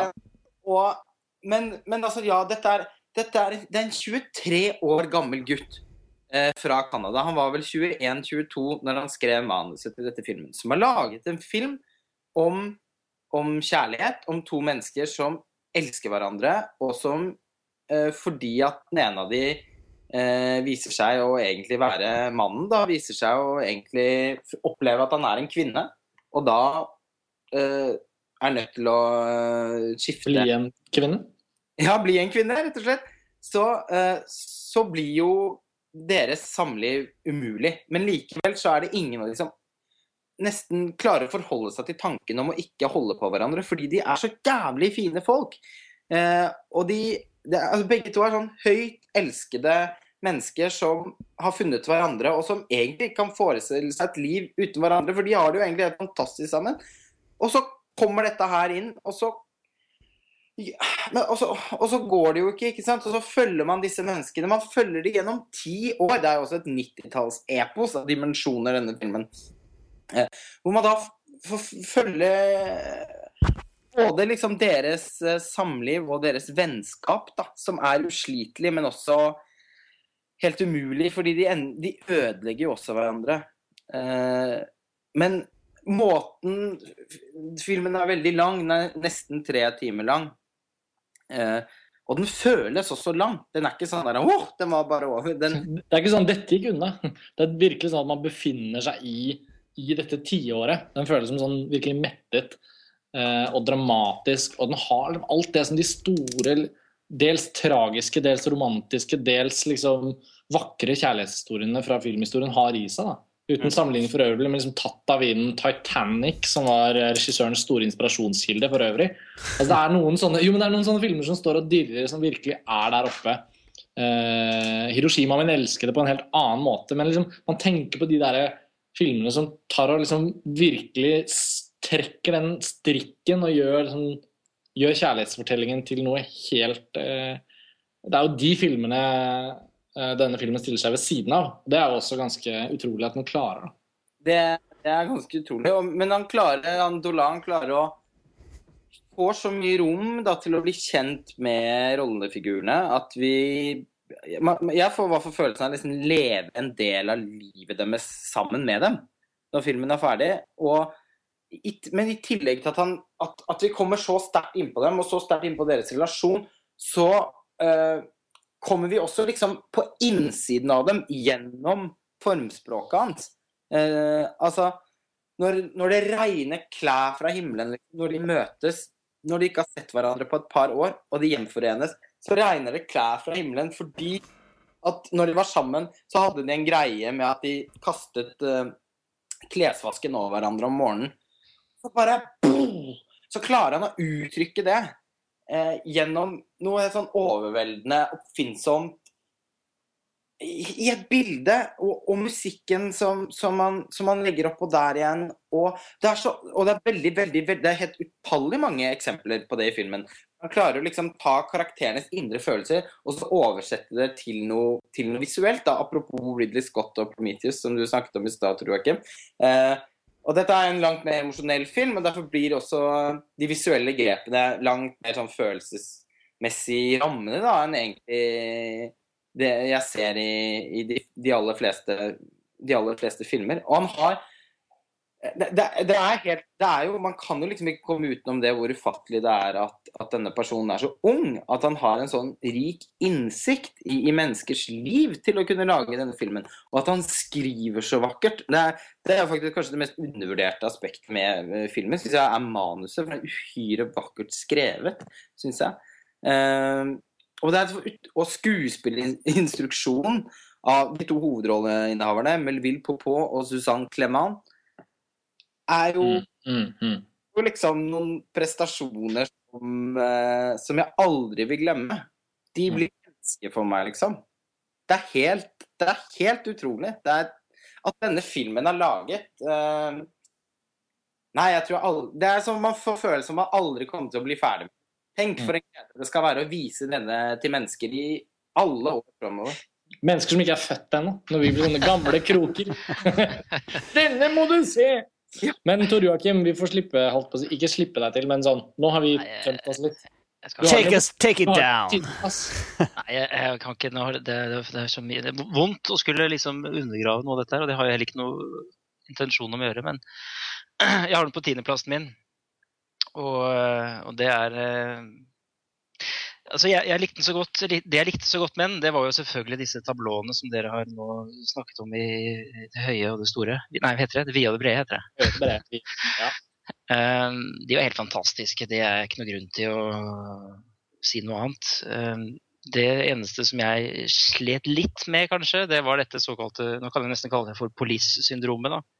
Ja, det skulle til å trekke det frem.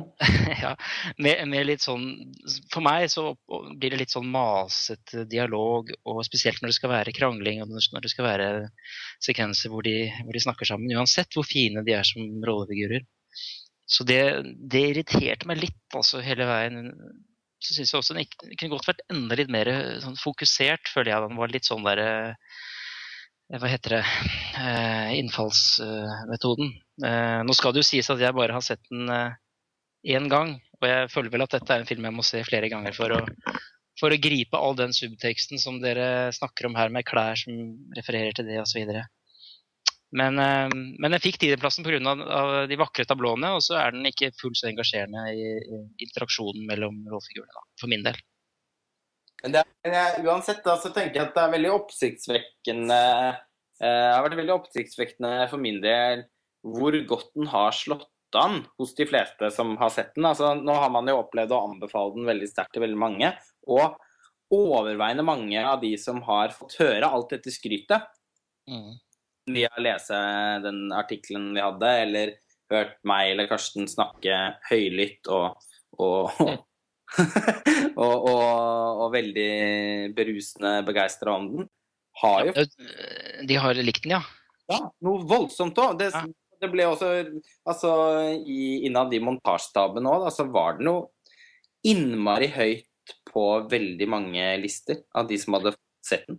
Det, det, for, meg, for min del har jeg jo ikke dukka opp noen mulighet til å se den. Jeg håper veldig nå som den får eh, montasjebump, at uh, ja, må, ja, men den må plukkes opp. Det må plukkes opp. Uh, nå skal det sies, Martin, fordi film, uh, denne episoden av Filmprosess slippes uh, i morgen. Og i morgen så offentliggjør den, skal, den, kommer til Tromsø, skal du si det?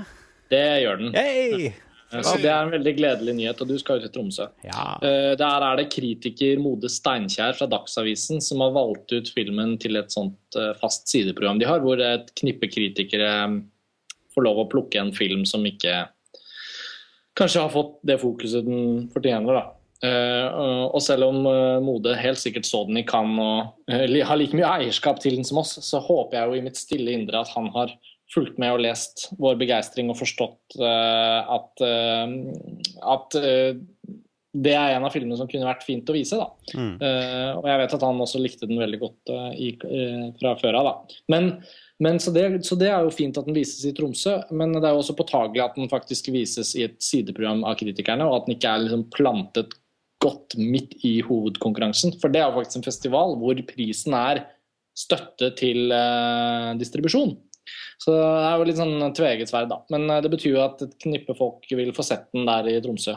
Og vi må bare fortsette å snakke om den, fordi jeg mener at det er helt, eh, helt det blir for dumt hvis ikke denne filmen lanseres på en ordentlig måte. Og da mener jeg at Med all respekt til digitale cinemateker og alt mulig, så er det en veldig stor forskjell på at et par hundre cineaster får sett den, mot at en film som dette kan fint selge 3000-4000 kinobilletter i Norge, og at det er en bra ting.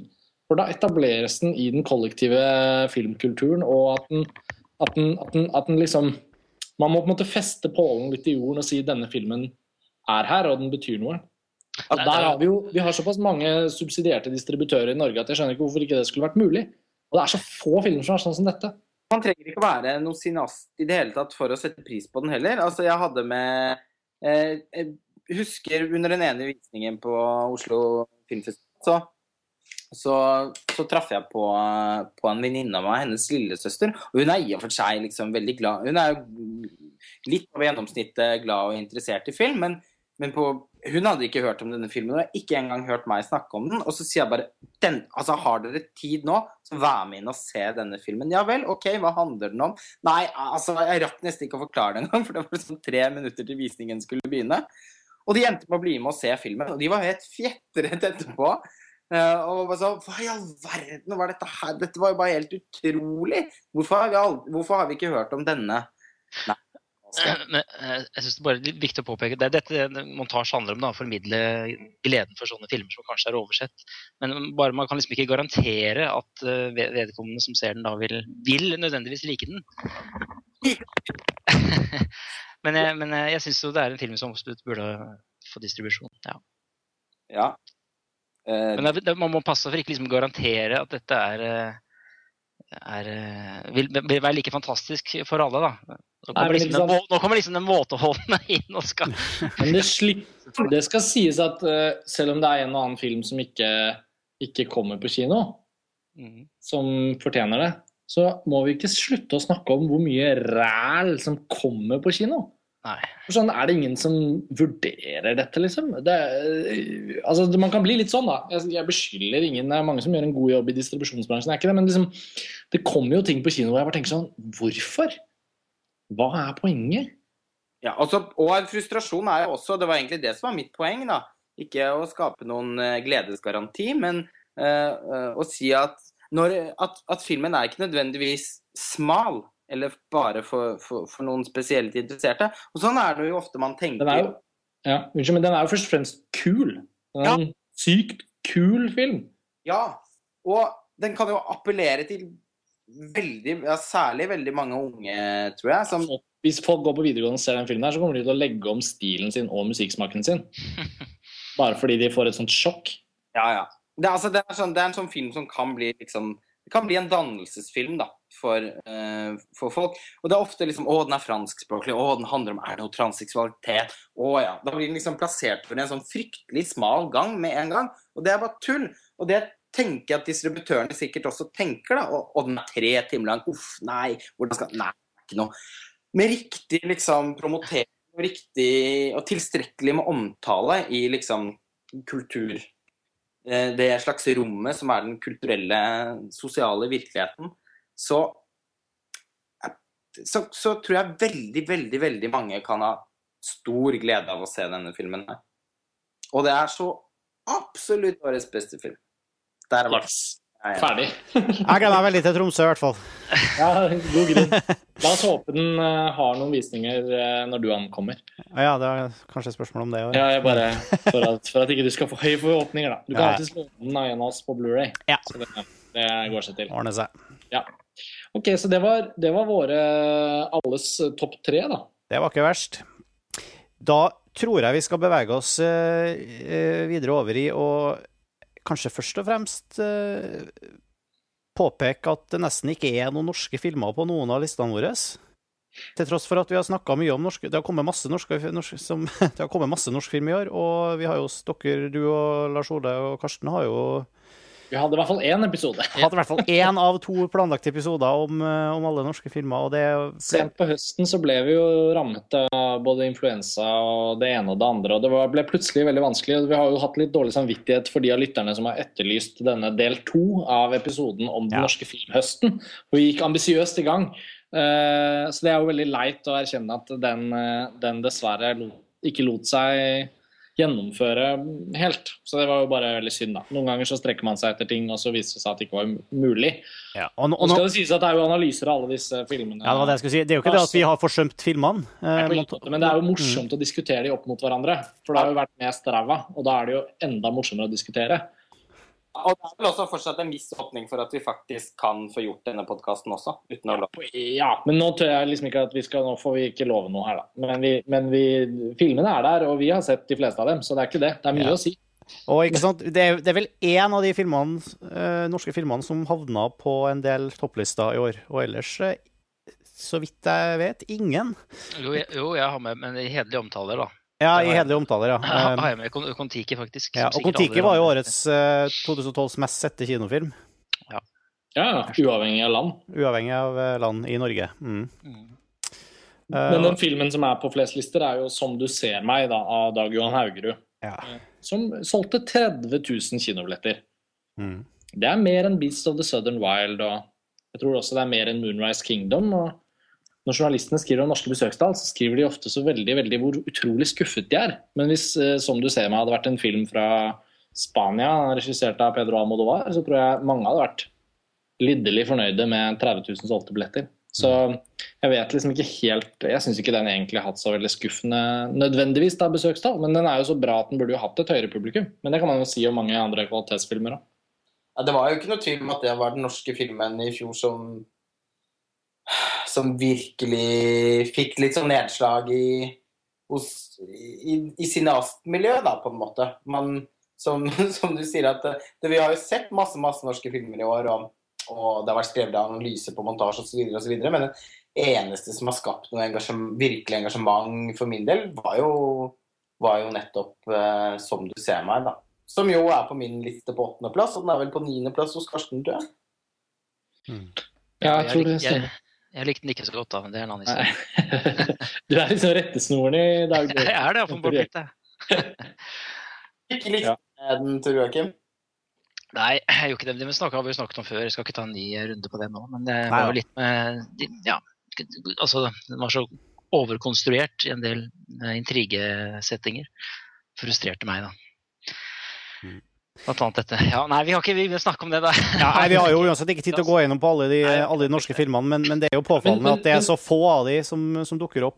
Jo, men, men dette er jo en liste Mm. som skal vurdere hva som var de absolutt fremste filmene fra, fra av alt vi har sett. Og tenk på alle de filmene fra alle de landene vi ikke har hatt muligheten til å se, fordi vi ikke har muligheten til å, til å få tak i og liksom få vurdert det. og sånn. Så at det at en norsk film oppi alt faktisk gjør seg gjeldende på mange topp ti-lister, når jeg setter den på niendeplass, så mener jeg jo, per i dag i hvert fall, at den, at den hever seg over veldig mye annet som også, som også har et gigantisk publikum rundt omkring i verden. Sånn at det betyr jo noe. Eh, Jeg ville vært med Ja, unnskyld.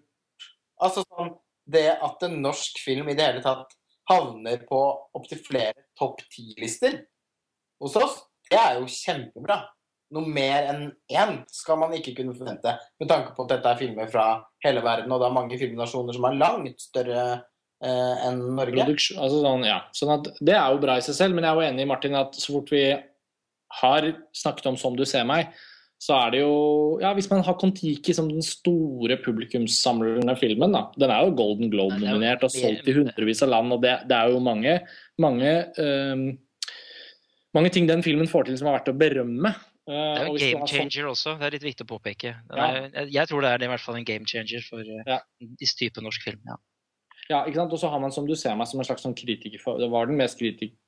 I visse miljøer den mest kritikerroste filmen. Den fikk også forbløffende lunken mottakelse fra, fra andre. Så, så, men uansett, når, når året summeres, så er vel så har vel klokskapen sunket inn for de fleste, og den ender opp som kanskje den mest sånn kritikeranerkjente filmen når man oppsummerer. Men der og da så fikk jo den også ganske lunkne kritikker. Men hvis man har tatt de to ut av ligningen, da sitter man igjen med et litt sånn ja slumpent filmår. Skvis.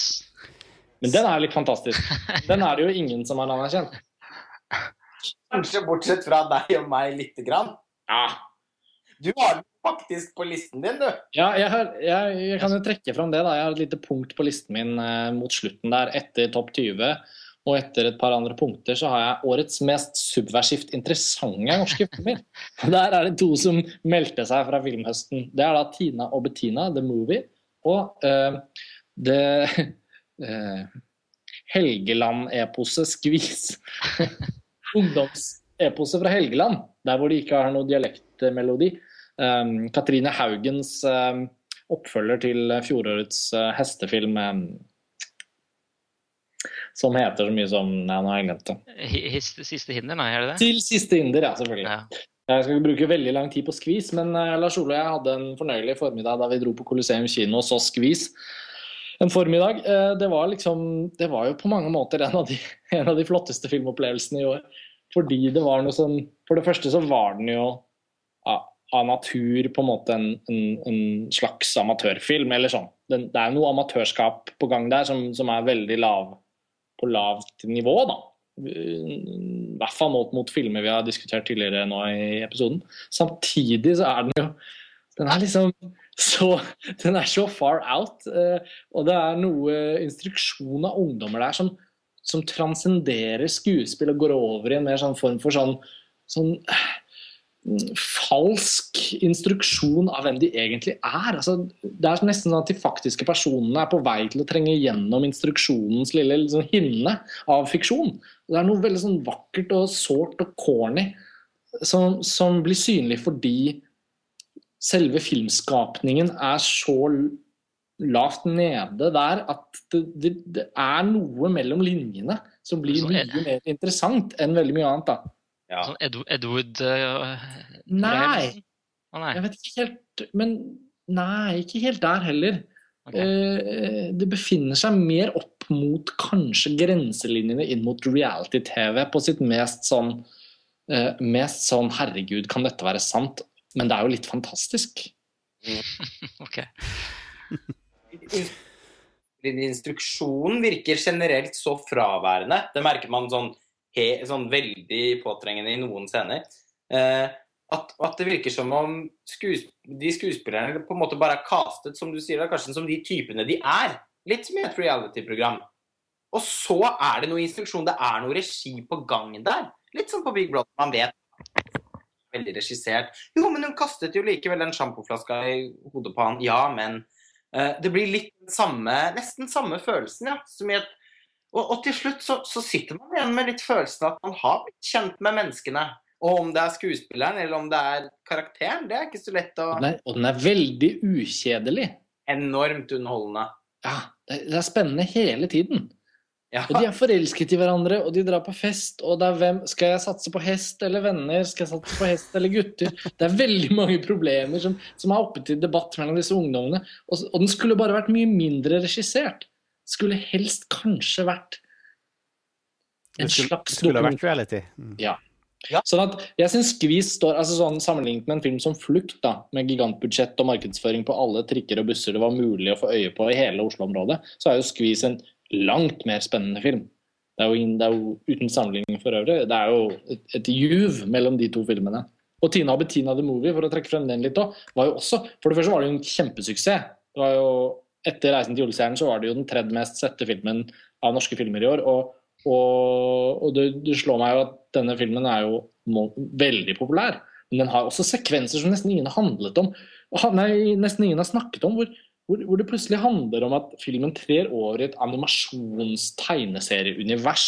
Eh, det, det oppstår en sånn fake krig mellom to ungdomsfester ute på et fortau, og det er masse eh, Ikke sant? Det er utrolig å sitte og oppleve. Jeg hadde nok ikke sett filmen hvis ikke det var for at Lars Ole og jeg hadde bestemt oss for å se alt og lage disse podkastepisodene. Nå kommer vi ikke helt i mål, men, men så gikk vi og så Tina og Bettina, da. Og det var jo også nok en film som var en kjempepositiv overraskelse. Så må man ta med i betraktningen at den kanskje ikke er i hermetegn særlig bra. Den er jo også litt dårlig, men den er mye mer interessant, da. Så det var derfor jeg følte det var verdt å trekke fram disse to på bunnen av listen. Rett over årets verste filmer. Morsom, morsom kategori i hvert fall du hadde der. Jo, å piffe opp litt. Skal, er, Er det en god anledning til å hoppe over i årets eh, skuffelser, kanskje? Ja. Eh, Hvis jeg ikke avbrøt deg et eller annet du skulle skyte inn, Lars Ole, før vi hopper over på årets eh, skuffelser. Karsten kom på det å, å lage det som en liten kategori. For de to, det er to filmer som strengt tatt i massen av norske filmer, så der var vi veldig, blitt, var vi veldig enige da, på disse filmene eh, om at de faktisk på hver sin måte hadde noe et eller annet veldig interessant ved seg. Det, Tina og Bettina på sitt beste var faktisk nesten subjektivt. Så, og dette er jo generelt veldig, veldig kritikerslaktede filmer, da. Så der eh, må man få lov til å være litt uh, mot... Se, se skvis, tenker jeg. Det må være budskapet. Ja, jeg må jo få sett til siste hinder, da, sånn at jeg kan bygge meg opp mot uh, trilogien som avsluttes neste år. Med den pot potensielle oppfølgeren nå, nummer tre. Spørsmålet er jo hva disse jentene da skal interessere seg for, nå som de har droppet hest for gutter. Og nå dropper de vel gutter, men for hva? Da blir de lesbiske. Nei, tror du virkelig det? det? Ja, det blir spennende å se. Herregud, jeg stiller meg først i køen. Men vi kunne godt hoppe til skuffelser, ja. Ja, jeg har allerede hoppa inn i min store, som var, var Prometheus. Så ja. jeg skyter Og Tor Joakim, du har jo Ja, jeg har også jeg, vet ikke helt hvordan vi skal Jeg nevnte jo Police da, som, vi, som en skuffelse. Men har Du hadde jeg, kanskje ikke så store forventninger til den som jeg hadde til Prometheus? Det var- det som Nei, gjorde at nei, det ble nei, en skuffelse for meg? Nei, ikke sammenligne. Du hadde mye høye forventninger til Prometheus enn jeg hadde til Police. Ja. Det er helt klart. Men jeg har jo en rekke andre filmer. da, Vet ikke om jeg skal ta én av de. Jeg skal velge en, en film som spesielt du føler var, på en måte, virkelig falt gjennom på alle punkter, Ja, og som okay. burde, vært mye bedre. Ja, ja, jeg, jeg ja, jeg jeg skal ta en, men jeg skal bare nevne i forbifarta at uh, jeg var me- meget skuffet over Moonrise Kingdom, da, sånn som vi ikke har sagt det. Uh, det, er fordi, det er fordi jeg ikke er noen stor fan av blant annet fordi jeg ikke er noen stor fan av uh, Wes Anderson. Men jeg, nå skal ikke jeg gå inn på, på, det nå, hvis jeg bare skal velge én. Eh, og da velger jeg faktisk eh, Da velger jeg Taken 2. Mm. eh, og det gjør jeg fordi jeg likte så veldig godt den første Taken. Den syns jeg var en fenomenal film, med Liam Neeson som hvor dattera da blir bortført, eller kidnappet heter det vel, av noen sånne trafficking-folk. Eh, og så går han da på egen hånd og prøver å finne henne. og den var, den var liksom, Jeg er veldig fascinert av dette her trafficking-fenomenet generelt. Så alle filmer og TV-serier som handler om det, uh, Lilja Forever eller hva som helst, det syns jeg er veldig spennende. Så, så den første taken syns jeg var kjempebra. Uh, den andre taken var en katastrofe. Uh, og det er jo Altså, det var så Det var ikke bare at det var klisjéfylt, det var bare det så ut som Liam Neeson vrei seg i smerte i hver eneste scene. Og jeg tenkte liksom, hva verden er det jeg er med på her? Og det er så typisk for denne her duoen da med, med Luc Messot og han uh, Cayman, hva heter han? Robert uh, Robert Cayman. Da. De, de har skrevet, uh, gjort masse filmer sammen de siste åra. Der er det altså enten så blir det ganske morsomt, sånn som Colombiana eller andre typer filmer. Taken. Uh, eller så blir det rett og slett platt katastrofe, altså. Og det var dessverre tilfellet i Det var dessverre tilfellet her, altså. Så, så Taken 2, da, hvis jeg skal liksom, Årets største skuffelse, så er det kanskje den, altså. For min del innmari leit. Jeg skjønte jo, Den fikk jo ganske grusomme kritikker, så jeg endte jo da aldri opp med å se den. Men i likhet med deg så var jeg også jeg var overraskende begeistra for den første filmen. Den syns jeg var enormt underholdende. Mm. det er veldig trist da at eh, de ikke klarer å liksom bygge en franchise når de først prøver. Nei, De har jo gjort det flere ganger, da. Men Luc Beså, og han Cayman. Men det, det, går liksom litt sånn i, det er liksom bingo, altså. Når de lykkes og ikke lykkes. Det var fordi Taken 2 ble jo en ganske sånn stor uh, suksess, uh, både på kino og etter. Uh, på, på video, DVD, skulle du si. Det, det, skal ikke gå utover meg. Altså, det, Nei, men at det liksom Det betyr jo ikke at den er Det var veldig sånn sequel, høres ut som veldig sånn klassisk sequel-syndrom. Ja, veldig. Mm. Ja. Ja. nei, jeg har ikke sett den første teksten. Jeg, jeg, skjønner at den er bra, men jeg, Det er veldig tøff, veldig tøff, den første. Ja, jeg ville vegret meg mot å ha forventninger til en oppfølger til den typen film. Det er veldig sjelden det blir bra, dessverre. Mm. Syns nå jeg. Ja, hva var dine store skuffelser, Karsten? Skuffelser hmm. Jeg har i hvert fall listet opp de tre absolutt verste filmene.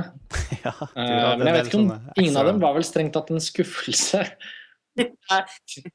ja også litt på det der med at skuffel på, Ja, det er liksom to litt forskjellige ting. Jeg vil jo si Selv om 'Hobbiten' er min store skuffelse fra 2012, så syns jeg strengt tatt at det er en bra film. Så ja. den neste filmen er det jo på langt nær. De er Ja. Ja, altså på, på, denne, på, Kosmorama filmfestival, hvor vi hadde gleden av å se House of Tolerance, som var en, eh, en enestående opplevelse til da i fjor, så så vi også en dansk film. Lars Ole og jeg vi så den sammen. da. Den heter Super Classico. Eh, den gikk dessverre på norske kinoer av en eller annen forbløffende årsak. Det er en sånn helt sånn krampaktig ræva film. Som er sånn hvor absolutt alle mark som noensinne har blitt forestilt å befinne seg under huden, våkner til live. Og gjør maksimalt for at du bare kryper i setet og tenker kan det bli dårligere nå? Ja, det kan det. Det er så ræva. Handler om en utrolig dum figur som av en eller merkelig grunn har, har, hatt et forhold til en jævla teit kjerring som har blitt fotballagent i Argentina. Så bestemmer han seg for å reise til Buenos Aires for å kapre henne tilbake. Og så blir det en slags, slags farse med noen latinamerikanere. og Alt er bare dumt og dårlig og dårlig og dårlig. Og det blir bare dårligere og dårligere underveis i filmen. Og jeg er så flau over at den har gått på kino i Norge. at jeg vet ikke hvor jeg skal... Uh. Tenk at en sånn film har blitt lansert og fått et budsjett, og det skal ikke, er ikke måte på. Og så er det filmer som ja, Lawrence Ennis sier seg selv, men det er jo 10-20 andre filmer som også hadde fortjent å bare i det minste blitt vist for kritikere og liksom bli vurdert. Superklassiker er, er, så flaut, jeg vet ikke hvor jeg skal starte. Og så må jeg bare også da vise, si at jeg syns den Ted med Mark Walberg og en teddybjørn også var helt forbløffende ræva. Men den skjønner jeg at det er ganske mange som liker, for der er det jo noenlunde profesjonelt gjennomført. Jeg bare syns filmen ja, ikke sant? Jeg så jo at den var på hederlig omtale hos deg, Tor Joakim. Men, men den var virkelig ikke for meg, da. Og så må jeg trekke fram at Ralph Fiends, skuespilleren som uh, som da i Skyfall eh, gjorde, seg, eh, gjorde seg til en slags gjenganger i James Bond-universet i fremtidige filmer, og som i mange andre filmer fungerer veldig godt som skuespiller, har hatt sin regidebut med en film som heter Coriolanus, som også er helt sånn gudsforjævlig ræva. Og den gjelder som 2012-film, så jeg synes det er viktig å trekke fram at den er ræva. Når jeg først har muligheten. Og så gidder jeg ikke å snakke om John Carter, for den var bare lei. Men den var, dette, skuff... var dette skuffelse, eller var det bare filmer du syntes var dårlige? Dette, nei, dette var det absolutt verste. Okay. Det var ikke skuffende, det var bare Men det var jo skuffende på et sånn primalt filmplan at hvordan går det an? Men eh, jeg hadde ikke så høye forventninger til det. Hvis jeg skal ta skuffelse, bare sånn kort Jeg syns kanskje Sarah Pollys 'Take This Waltz' med Michelle Williams og Seth Rogan var nok en skikkelig skuffelse, fordi hun er en eh, fin både skuespiller og var en veldig fin regissør, eh, viste hun, med 'Away From Her'. En, en, en veldig bra film om Alzheimer som hun debuterte med for noen år siden. Og 'Take This Waltz' har alt i seg til å kunne være en veldig fin et typisk sånn romantisk drama. Og så er den ikke det. Den, er, den skrev jeg en anmeldelse på, eller en omtale på montasje som, som man kan gå og lese, hvor jeg utbroderer eh, hvorfor jeg syns den er så svak. Eh, Men den har også kommet inn på topplister hos, eh, hos tabloidkritikere i Norge, så jeg, for meg er det helt umulig å forstå. Det er en ordentlig sånn mislykket film. Alt, alt bare snubler om hverandre i klisjeer og overdreven fargebruk og skuespillere som ikke får den instruksjonen de trenger for å treffe riktig tone, og karakterene glir ut i mange rare retninger. Og plutselig er det inderlig, og vi er ikke forberedt på det. Det nei. Det er morsommere å snakke om filmer man liker, merker jeg. Det er liksom så trist, og, trist å understreke hvorfor noe ikke funker. Men, Det som er skuffende med filmer som John Carter og Total Recall, og sånn, er jo hvor forbaska mye penger som brukes på dem når de ender Ja. opp med å bli så dårlige. Det sies at eh, ingen av de filmene jeg nevnte nå har vel kostet så jævlig mye penger. Og Ted er jo en suksess rent økonomisk, så det har vel gått greit. Eh, John Carter er jo det, er jo det verste eksempelet i år på at det sannsynligvis faktisk på et eller annet plan kunne blitt en kjempebra film. Men ja, der var jeg ferdig. Ja, ja. ja. Men, jeg- jeg- Unnskyld, Lars Ole. Nei, da er det kanskje min tur. Vi har Ja. noen filmer, jeg òg. Uh, som jeg plasserte. Og det er også Det er ikke skuffelser, da. Skuffelsen min i år var jo utvilsomt da 'Hobbiten'. Men, men uh, med filmer som jeg syns er helt forferdelige. Og, og jeg deler faktisk bunnoteringen med Karsten av denne danske eh, superklassiko, som var fra ende til annet et ordentlig makkverk. Eh, som du sa, den opplevelsen av å sitte og se den og tenke at nå kan det vel ikke bli verre. For så at det blir liksom overgått allerede i neste scene. Som var filmen hele veien. Det er helt magisk at den fant veien til norske kinoer. Kanskje enda mer utrolig at danskene faktisk altså snakker om ting som er flaut. Danskene valgte faktisk denne filmen som sitt Oscar-bidrag i fjor. Ja, det er helt ut av en annen verden idiotisk. Ja, det er en litt-erklæring. Og hvis man klikker seg inn Jeg husker jo, jeg, jeg måtte jo undersøke dette her etter å ha sett filmen. Hvis man klikker seg inn på disse Bodil og Robert-prisene, som er de tilsvarende eh, Kanonprisen og Amandaprisen her hjemme, så er den faktisk eh, nominert til eh, innmari mange priser. Det ble regnet som en av de beste danske filmene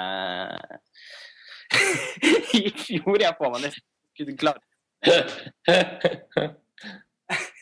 Ja, så, så, så jeg er jo enig i den. Så vil jeg også trekke fram enda en film som vi så eh, på Kosmorama, som har fått veldig mange lovord fra norske kritikere. Men som i hvert fall vi, og alle de vi så den sammen med også, er enige om at fortjener en bunnotering. Det var argentinske Las Acacias. Eller På veien til Buenos Aires, som ble den norske tittelen.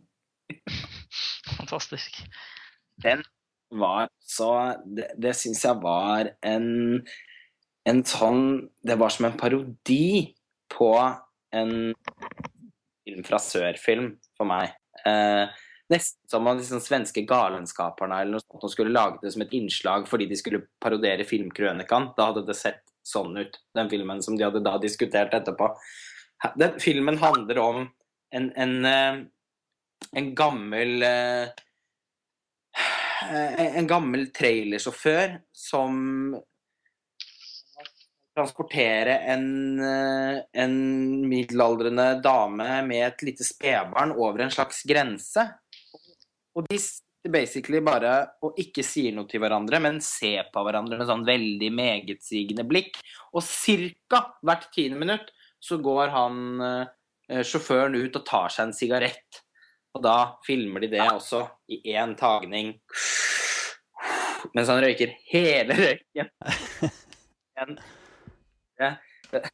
Den ble så udramatisk for meg at jeg er lattervekkende. Og jeg vet at det er mange som syns den har vært fryktelig fin, og det er bare Det er bra, det.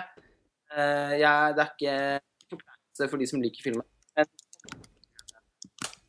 helt innholdsløs og, og, og tåpelig.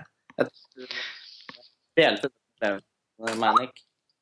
Ja, vi får skinne her. Du begynner å, du, Ja, du du- bryter stadig opp, Lars Ole. Det var som at eh, det å snakke om en ræva film var så det blir så deprimerende. Din at du bare forsvant ut. Ut. Jeg må, jeg må bare, før jeg avslutter, skriftlig, bare må skyte det en siden jeg fikk ikke sagt den, den- kanskje den verste filmen. da, Bare si det i full, full fart, eh, som jeg så i år. og Det var eh, Police snakket om, men eh, jeg vil også nevne eh, eh, Abraham Lincoln, 'Vampire Hunter'. eh, som en av de verste filmene. Det er han eh, wanted-regissøren eh, Beckman Betov. Ja, takk skal du ha. Han som kom fra russisk eh, Han er fra eh, Usbekistan, eller Turkmenistan, hvis Ja. ikke jeg husker feil. Mm. Av sentralasiatisk herkomst. Ja. Altså, jeg har likt en del av de tidligere Wanted og den derre Ni, blant annet. Jeg likte Men- de der Daywatch og Nightwatch-filmene Ja, på sitt vis. Men, eh, her går han altså helt over bord med, med, med klisjeer og med noen sånne Ok, jeg har noen fine actionsekvenser, ellers så er det ganske tragisk, altså. Ja. Jeg må bare nevne mens vi nå var inne på de verste filmene. Man får bifalle den eh, kritikken. Jeg syns jo Wanted også var helt grusom, men eh, Abraham Lincoln, Vampire Hunter, var, eh, den var sliten. Apropos actionsekvenser. Jeg oppdaga jo at jeg tror Hadde jeg huska på at den faktisk var en 2012-film, så tror jeg kanskje jeg ville vurdert å ha med Ghost Protocol, Mission Impossible på lista mi bare pga. et par eksepsjonelle scener. For den er ikke så dum. Den er ikke så dum, vet du. Ikke. Absolutt ikke. Den, eh, den var en veldig positiv overraskelse. Den kom ikke med på listen min, Nei. men den var, eh, den var eh, absolutt en bra film, altså. Og ja, jo, altså ja. Den ligger jo egentlig bare under at den er innmari ujevn. Første halvdelen av filmen var jo helt strålende. Ikke sant? Det var jo da da syns jeg det var Hadde den vært så bra hele veien, hadde det jo nesten vært en listefilm. Men uh, jeg syns jo den taper seg en del uh, i siste akt, da. Dessverre. Men, men vi var jo vi var inne på tidligere at vi har satt sammen en sånn Vi må nesten prøve å f- Jeg innser at vi kunne Det er veldig mange filmer som vi kunne ha begynt å trekke frem her, som burde vært på lista, som vi ikke har nevnt. Og, eller som havner litt sånn eh, i midt på treet, som, eller noen som er undervurdert og sånn. Men vi har jo den herre felleslista som vi snakka om. Topp ti for sammen, sammensatt-lista på hele montasje. Mm. Eh, Og der er det kanskje noen filmer som fortjener å bli nevnt i, episode- i podkasten vår òg, som vi ikke har snakka om ennå. Ja, vi kunne jo fort eh, bare gått gjennom den, ja. men vi har vel ikke tid til å gå veldig inn på de forskjellige filmene. Nei, vi har vel egentlig ikke det. Eh, Men vi oppsummerte som sagt så ved å gi poeng bare for plasseringen, da. På de ti forskjellige listene. mm. Og da endte vi opp med en topp ti hvor Amour rager høyest, da. Eh, som sagt. Og så er Lawrence Anyways på andreplass. Med Moonrise Kingdom av West Anderson på tredjeplass. Den har vi ikke snakket så mye om, men vi har vært innom den. Jeg bare sa at jeg ikke likte den så godt. Ja, og den er veldig høyt på mange av oss andres lister, og, og, og vi sammenlignet den jo litt med Hugo. Um, og vi har jo også en podkast om den, så vi kan jo gå, gå stille forbi den. En film som kom veldig høyt, litt overraskende, men ikke så overraskende, det er jo 'Shame' av Steve McQueen. Mm. Den var det mange som hadde veldig høyt, og, og det betyr jo også at at den, den filmen den hadde jo kinopremiere for nesten et år siden. Den jo, var jo tidlig tidlig i januar. Men den har jo holdt uh, stand gjennom året, og var en av de filmene jeg var på nippet til å prøve å, å, å prioritere gjennom et gjensyn med nå i forbindelse med å, å lage listen. For jeg tenkte kanskje var det noe mer der enn hva jeg opplevde. Jeg, det var en typisk film som hadde fått så mye honnør at jeg ble nok litt skuffet da jeg så den. Jeg følte ikke kanskje den hadde tilstrekkelig med vekt til å virkelig være så god som folk mente den var. Det, det, var en film som jeg opplevde Jeg fikk tilført veldig mye verdi. Jeg så jo filmen uten så mye forventninger og, og ble på en måte Ja, det her var, var bra, men jeg, jeg, følte jeg fikk tilført veldig mye til filmen ved å lese den uh, veldig inngående artikkelen som Dag Søtholt skrev for oss. Ja. på, på for i løpet av året har jo Dag Søtholt uh, etterlatt seg noen virkelig forseggjorte, uh, ja. detaljerte analyser av både av, uh, av norske filmer som du ser meg, f.eks., men også av både Shame og Moonrise Kingdom og Prometheus. Da. Så For de som er nysgjerrige og som ikke har lest de ennå, så er det jo bare å gå og søke, søke de frem på montasje. Det er i hvert fall virkelig sånn, jeg, følt, jeg tror filmen steg noen hakk hos meg et, da er liksom etter å ha fordøyd den gjennom Dag 17. Ja. Så, hmm. Den er på fjerdeplass, og så ja. Hva? Vil du si noe, Lars Ole? Ja, bare helt kort. Altså, jeg var også veldig lei meg for at jeg ikke fikk, fikk sett den filmen igjen. Jeg kjøpte den på Blu-ray og var veldig klar for å se den i jula, men rakk det dessverre ikke. Hadde jeg fått et gjensyn med filmen, for nå er det faktisk over et år, godt over et år siden jeg så den.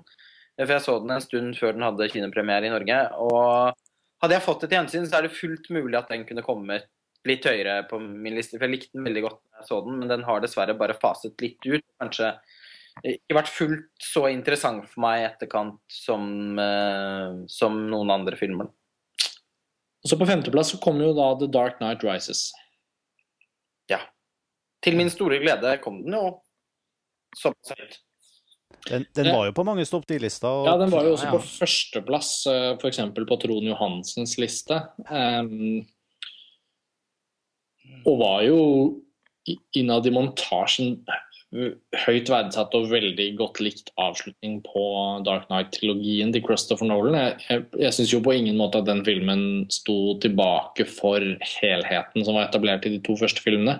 Jeg har den ikke så høyt på min liste, men det betyr jo ikke at jeg ikke, ikke satte pris på den. Og når den først havner på en femteplass, så føles det også litt sånn riktig og logisk. Selv om jeg personlig har et par favoritter som ville vært høyere. Så når man ser på den samlelisten, så, så F.eks. en film som The Avengers, som mange har begynt å diskutere i kommentarfeltet, så er det jo The Dark Night Rises som står igjen som den av de store tegneserieadaptasjonene som, som, som, gjør seg på en sånn liste, da.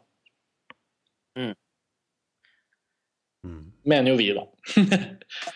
Eh, på sjette på sjetteplass er det Hugo Cabré, da, som vi snakket om, av Martin Scorsese. På syvendeplass Vi må snakke om Kevin, en annen film som også Dag Søtholt har analysert, apropos. Um, jeg vet ikke om vi skal gå veldig inn på den. altså det er det noen som føler det? Nei, alle liker den veldig godt. Den er på alles topp ti. Jeg vet ikke Martin, kanskje, men eh, jeg, Nei, jeg hadde den på liste ganske langt, men jeg, det var en ganske sterk, en veldig vond film, syns jeg. På, mm. på, alle måter ubehagelig, men ganske mektig. Mm. Ja, både av relasjon og ved å ikke være relatert til hverandre i det hele tatt, så er jo den og Polis filmer som, som på en måte har en veldig sterk tematikk, eh, og som bruker ganske virkningsfulle grep for å få oss til å bli eh, liksom tatt inn i på forskjellige måter, da, noen barns skjebne samtidig litt forskjellig? Eller? Ja, veldig forskjellig òg, det er ikke det. Men eh, jeg bare trakk den med fordi Police er jo på niendeplass på samlelisten. Tempo, eller Tempo sier tema til Linn Ramsey det er på en måte barnets ondskap. Jeg føler jo heller det er det et ganske tabubelagt tema, da, som er liksom det å stille spørsmålstegn ved morskjærlighet. Født sånn eller blitt sånn også er jo et, eh, et slags tema. Ja, ja, det kan man også si. Men jeg føler den handler veldig mye om eh, om en mor som om, Altså hvor vanskelig det er å være en mor som opplever at du ikke elsker ditt eget barn, og hvilke konsekvenser det får for barn òg. Der kommer jo ja, født sånn eller blitt sånn inn. Sant? Han formes jo også av avstanden til henne og kjærlighet til han. Han er jo en slags Rosemary's baby på noe vis, som bare skriker og skråer. Han kommer ut av kjødet til eh, Nei, men det er, det er vanvittig fascinerende film. og fantastisk. Jeg likte den ikke spesielt godt første gang jeg så den. Uh, for da hadde jeg liksom litt problemer med at jeg syntes den var litt spekulativ, rett og slett. Men... Ja, det synes jeg. Litt sånn heavy-handed, som det heter. Men, men, jeg ble veldig inspirert til, til å ta opp til flere gjensyn med den. Og, og har blitt veldig fascinert av den. Altså, den var jo på min liste også. fantastisk visuelt da, av Ramsay. Og bruk av der som er Ja, som virkelig er fantastisk uh, flott. Det har jo Dag skrevet veldig utfyllende om i, i sine to artikler faktisk da, om filmen. Mm. Men du er ikke noe humørspreder, du, Linn Ramsey. Nei, spørs om hun skal fortsette med det. Altså, nå skal hun lage en westernfilm med, med Natalie Portman og Michael Fassbender i, i hovedrollene. Det høres ut som en, en liten sukkerbit som folk kommer til å ha lyst til å se. Spørs om den blir så oppløftende, selvfølgelig, men ja. Vi får se. Uh, mellom vi må, vi må snakke om Kevin på syvendeplass og Police på niendeplass, så ligger en film vi ikke har nevnt i det hele tatt, som er veldig høyt på manges lister. Det er 'Margaret' av Kenneth Lonergan. Det skal riktignok sies at vi har jo skrevet inngående om den på montasje. Og i og med at uh, tiden renner ut, så burde vi kanskje ikke gå for mye inn på den. Den var på førsteplassen til uh, Dag Søtholt, og den var jo høyt oppe på både din og min liste, Lars Ole. Fjerde. Ja, fjerdeplass hos deg og femteplass hos meg. Hvordan var det hos deg, Tor Joakim? Nei, jeg, jeg var ikke på min liste, men det er fordi jeg har sett den i etterkant. Jeg, Ja. jeg, jeg, likte den, men jeg har vel også, også sett uh, den eh, korte, eller korte og korte, eh, versjonen på 150 minutter, da, ikke den på 180. Ja. Jeg gleder meg til å se Jeg har lyst til å se den amerikanske kinoversjonen også. Så det, det kommer jeg til å gjøre. Men det er kort fortalt det er et helt utrolig sterkt amerikansk drama om eh, Den tar, for seg veldig mange tematiske tråder. så det jeg anbefaler bare å gå inn og lese. Lars Ola har skrevet en sak om filmen, og du gikk jo veldig inn i filmen. Eh, Så det var en tilfredsstillende versjon av mye av det jeg tenker selv. Og, og jeg skrev en artikkel om tilblivelseshistorien, for dette er en film som ble laget i 2005, og som har brukt eh, ja, totalt syv år på nå oss i Norge, i hvert fall. Så det er jo interessant å sette seg inn i seg selv, men vi får vel ikke tid til å diskutere den så inngående nå. På tiendeplass så kom Play av Ruben Østlund da, som det eneste nordiske alternativet når alt ble oppsummert. Um, den har ikke jeg så mye å si om, egentlig. Den er ikke så viktig film for meg da jeg oppsummerte filmåret. Jeg skulle nok kanskje ha sett den om igjen også, men eh, det er jo en ganske vond film igjen. Som man ikke kjenner en sånn akutt lyst og behov til å returnere til. Mye vonde filmer. Ja, Amor og Kevin og Margaret og ja Jeg syns ikke Amor Jo, den er forferdelig. Liksom, den er ikke så vond. Jo, det Jo, men den er vond på en annen måte. Jo, men sånn? Play, play er sånn behagelig vond. Vi må snakke om Kevin er sånn uh, psykologisk ubehagelig vond. Altså, det er på mange andre Amor er mer sånn eksistensielt smertefull. Men den er ikke, etter mitt syn, Nei, den er kanskje sånn ikke vond sånn sett. sånn in your Nei. Det syns jeg. Nei, det er ikke det. jeg, jeg vet ikke, men det er i hvert fall den eneste av filmene som virkelig har fått meg til å gråte etter at jeg har sett den. Fordi at jeg Det var jo fordi den minte deg om at en dag skal du dø. Nei, det var, det var Prometheus, altså. Ja. Nei, den minnet deg om at du en dag skal gjennomstå. Det er Ja. forskjellen. Mm. Hva sier du, Lars Ole? Nei, da får jeg se The Lovely Bones hvis jeg har lyst til å se en film om å gjenoppstå. Eller bare se Hugo Cabré og så bli veldig glad i hjertet ditt. Nei, men også til og med sånn som The Dark Night Rises, da, er jo en, en, en mørk film, også tematisk. Ja. Eh, motivene i den filmen er jo ganske uhyggelige. Så sånn, det er jo på en måte Hugo Cabré og Moonrise Kingdom og Lawrence Anyways, egentlig. Ja, ja. Som, som noe, som noe fyrverkerier eh, her. Mm. Shame er jo heller ikke så veldig koselig. Apropos, at det er vondt. Altså, det er, jeg vet ikke, men jeg føler jo filmåret 2012 Når jeg tenker, så tenker jeg faktisk ikke at det var så mye vondt. Da. Jeg tenker faktisk på at det var Kanskje fordi at vi ser forbi det når alt kommer til alt, og bare gleder oss over at det var så mye som var bra. Uh, men ja, nei, det var de ti filmene som summa summarum ble en slags samleliste, da.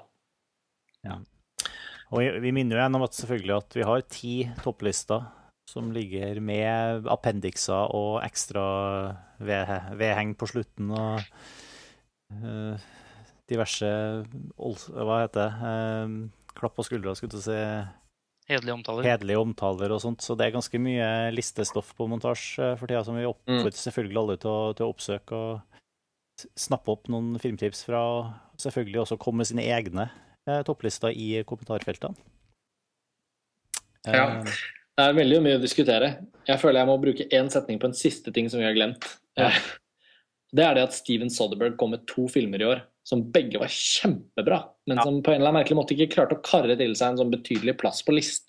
Men han kom altså med både Haywire, som er en superfet, dødsunderholdende og veldig kul En slags hevnfilm og liksom en slags kampsportkoreografifilm og en slags spionfilm. Den er veldig, veldig kul. Og han kom med sommerens store strippefilm, 'Magic Mike'.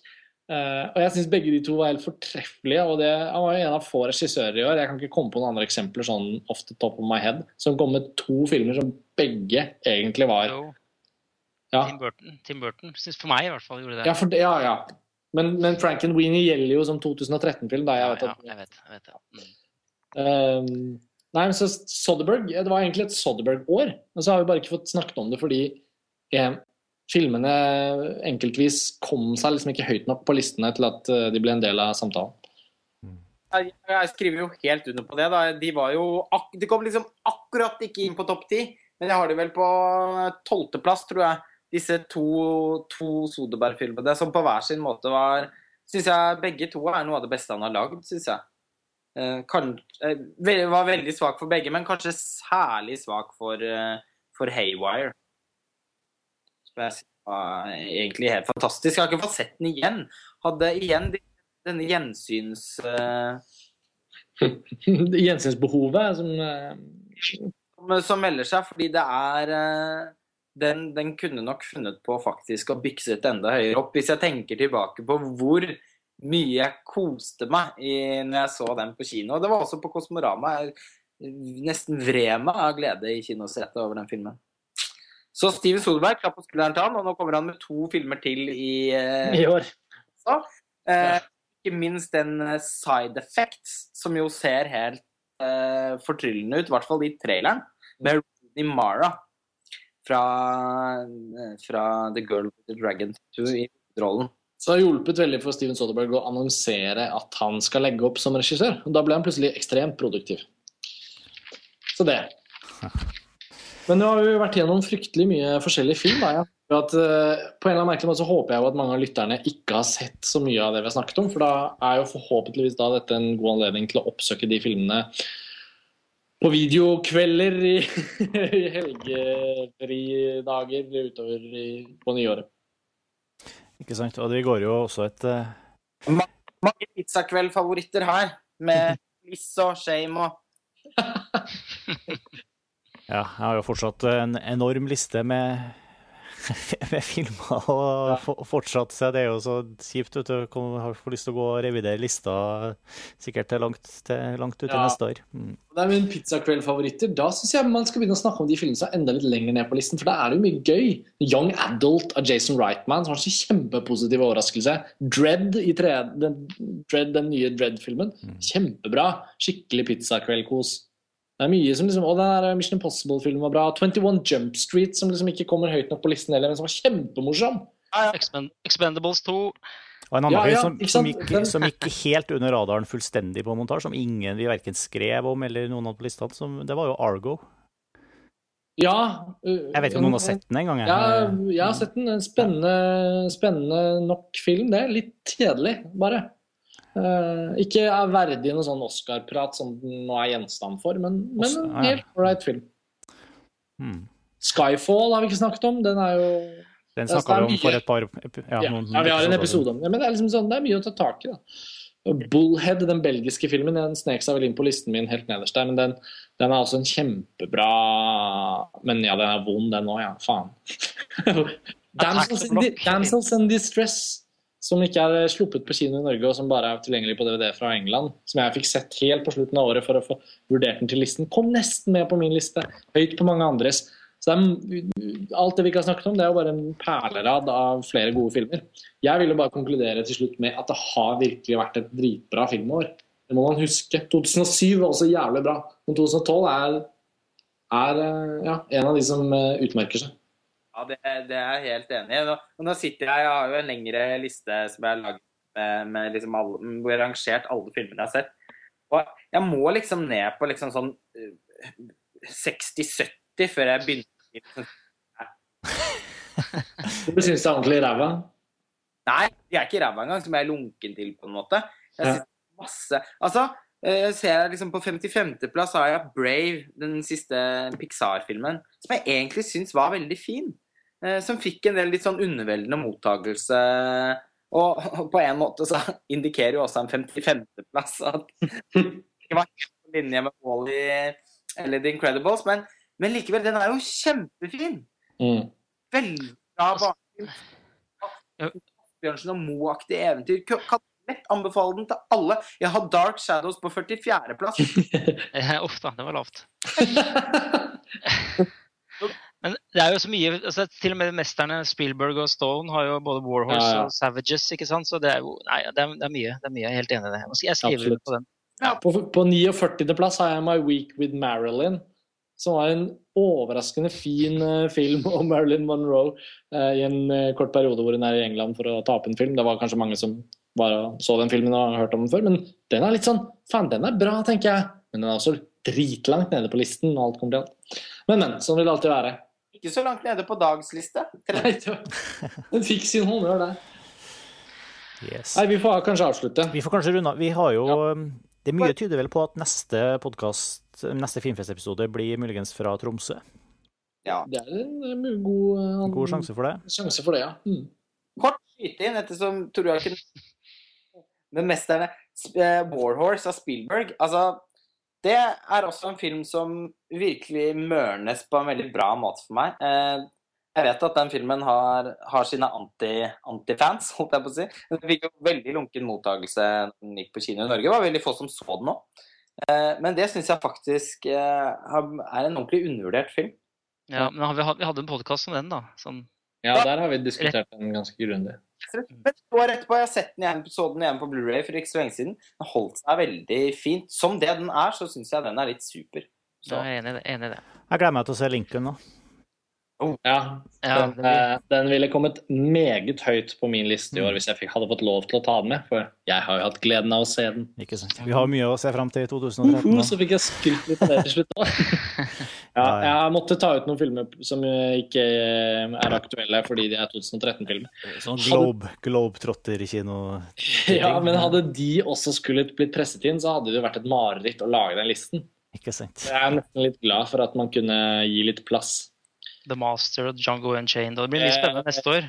Ikke sant? Det det jo, Ja. Jo da, så det blir Ja. Mm. det blir nok noen enkeltepisoder av Filmfrelst om hver enkelt av disse filmene først. Får vi håpe. sannsynligvis. Ja. Men vi ses i hvert fall snart igjen, karer, og snakkes igjen. Og eh, til dere som hører på, takk for oppmerksomheten. Bruk kommentarfeltene, som sagt. Eh, Vi høres igjen om et par uker. Det gjør vi veldig snart. Yeah. Yes. OK. God Ha det bra. Ha det Ha det. ha det. Ha det.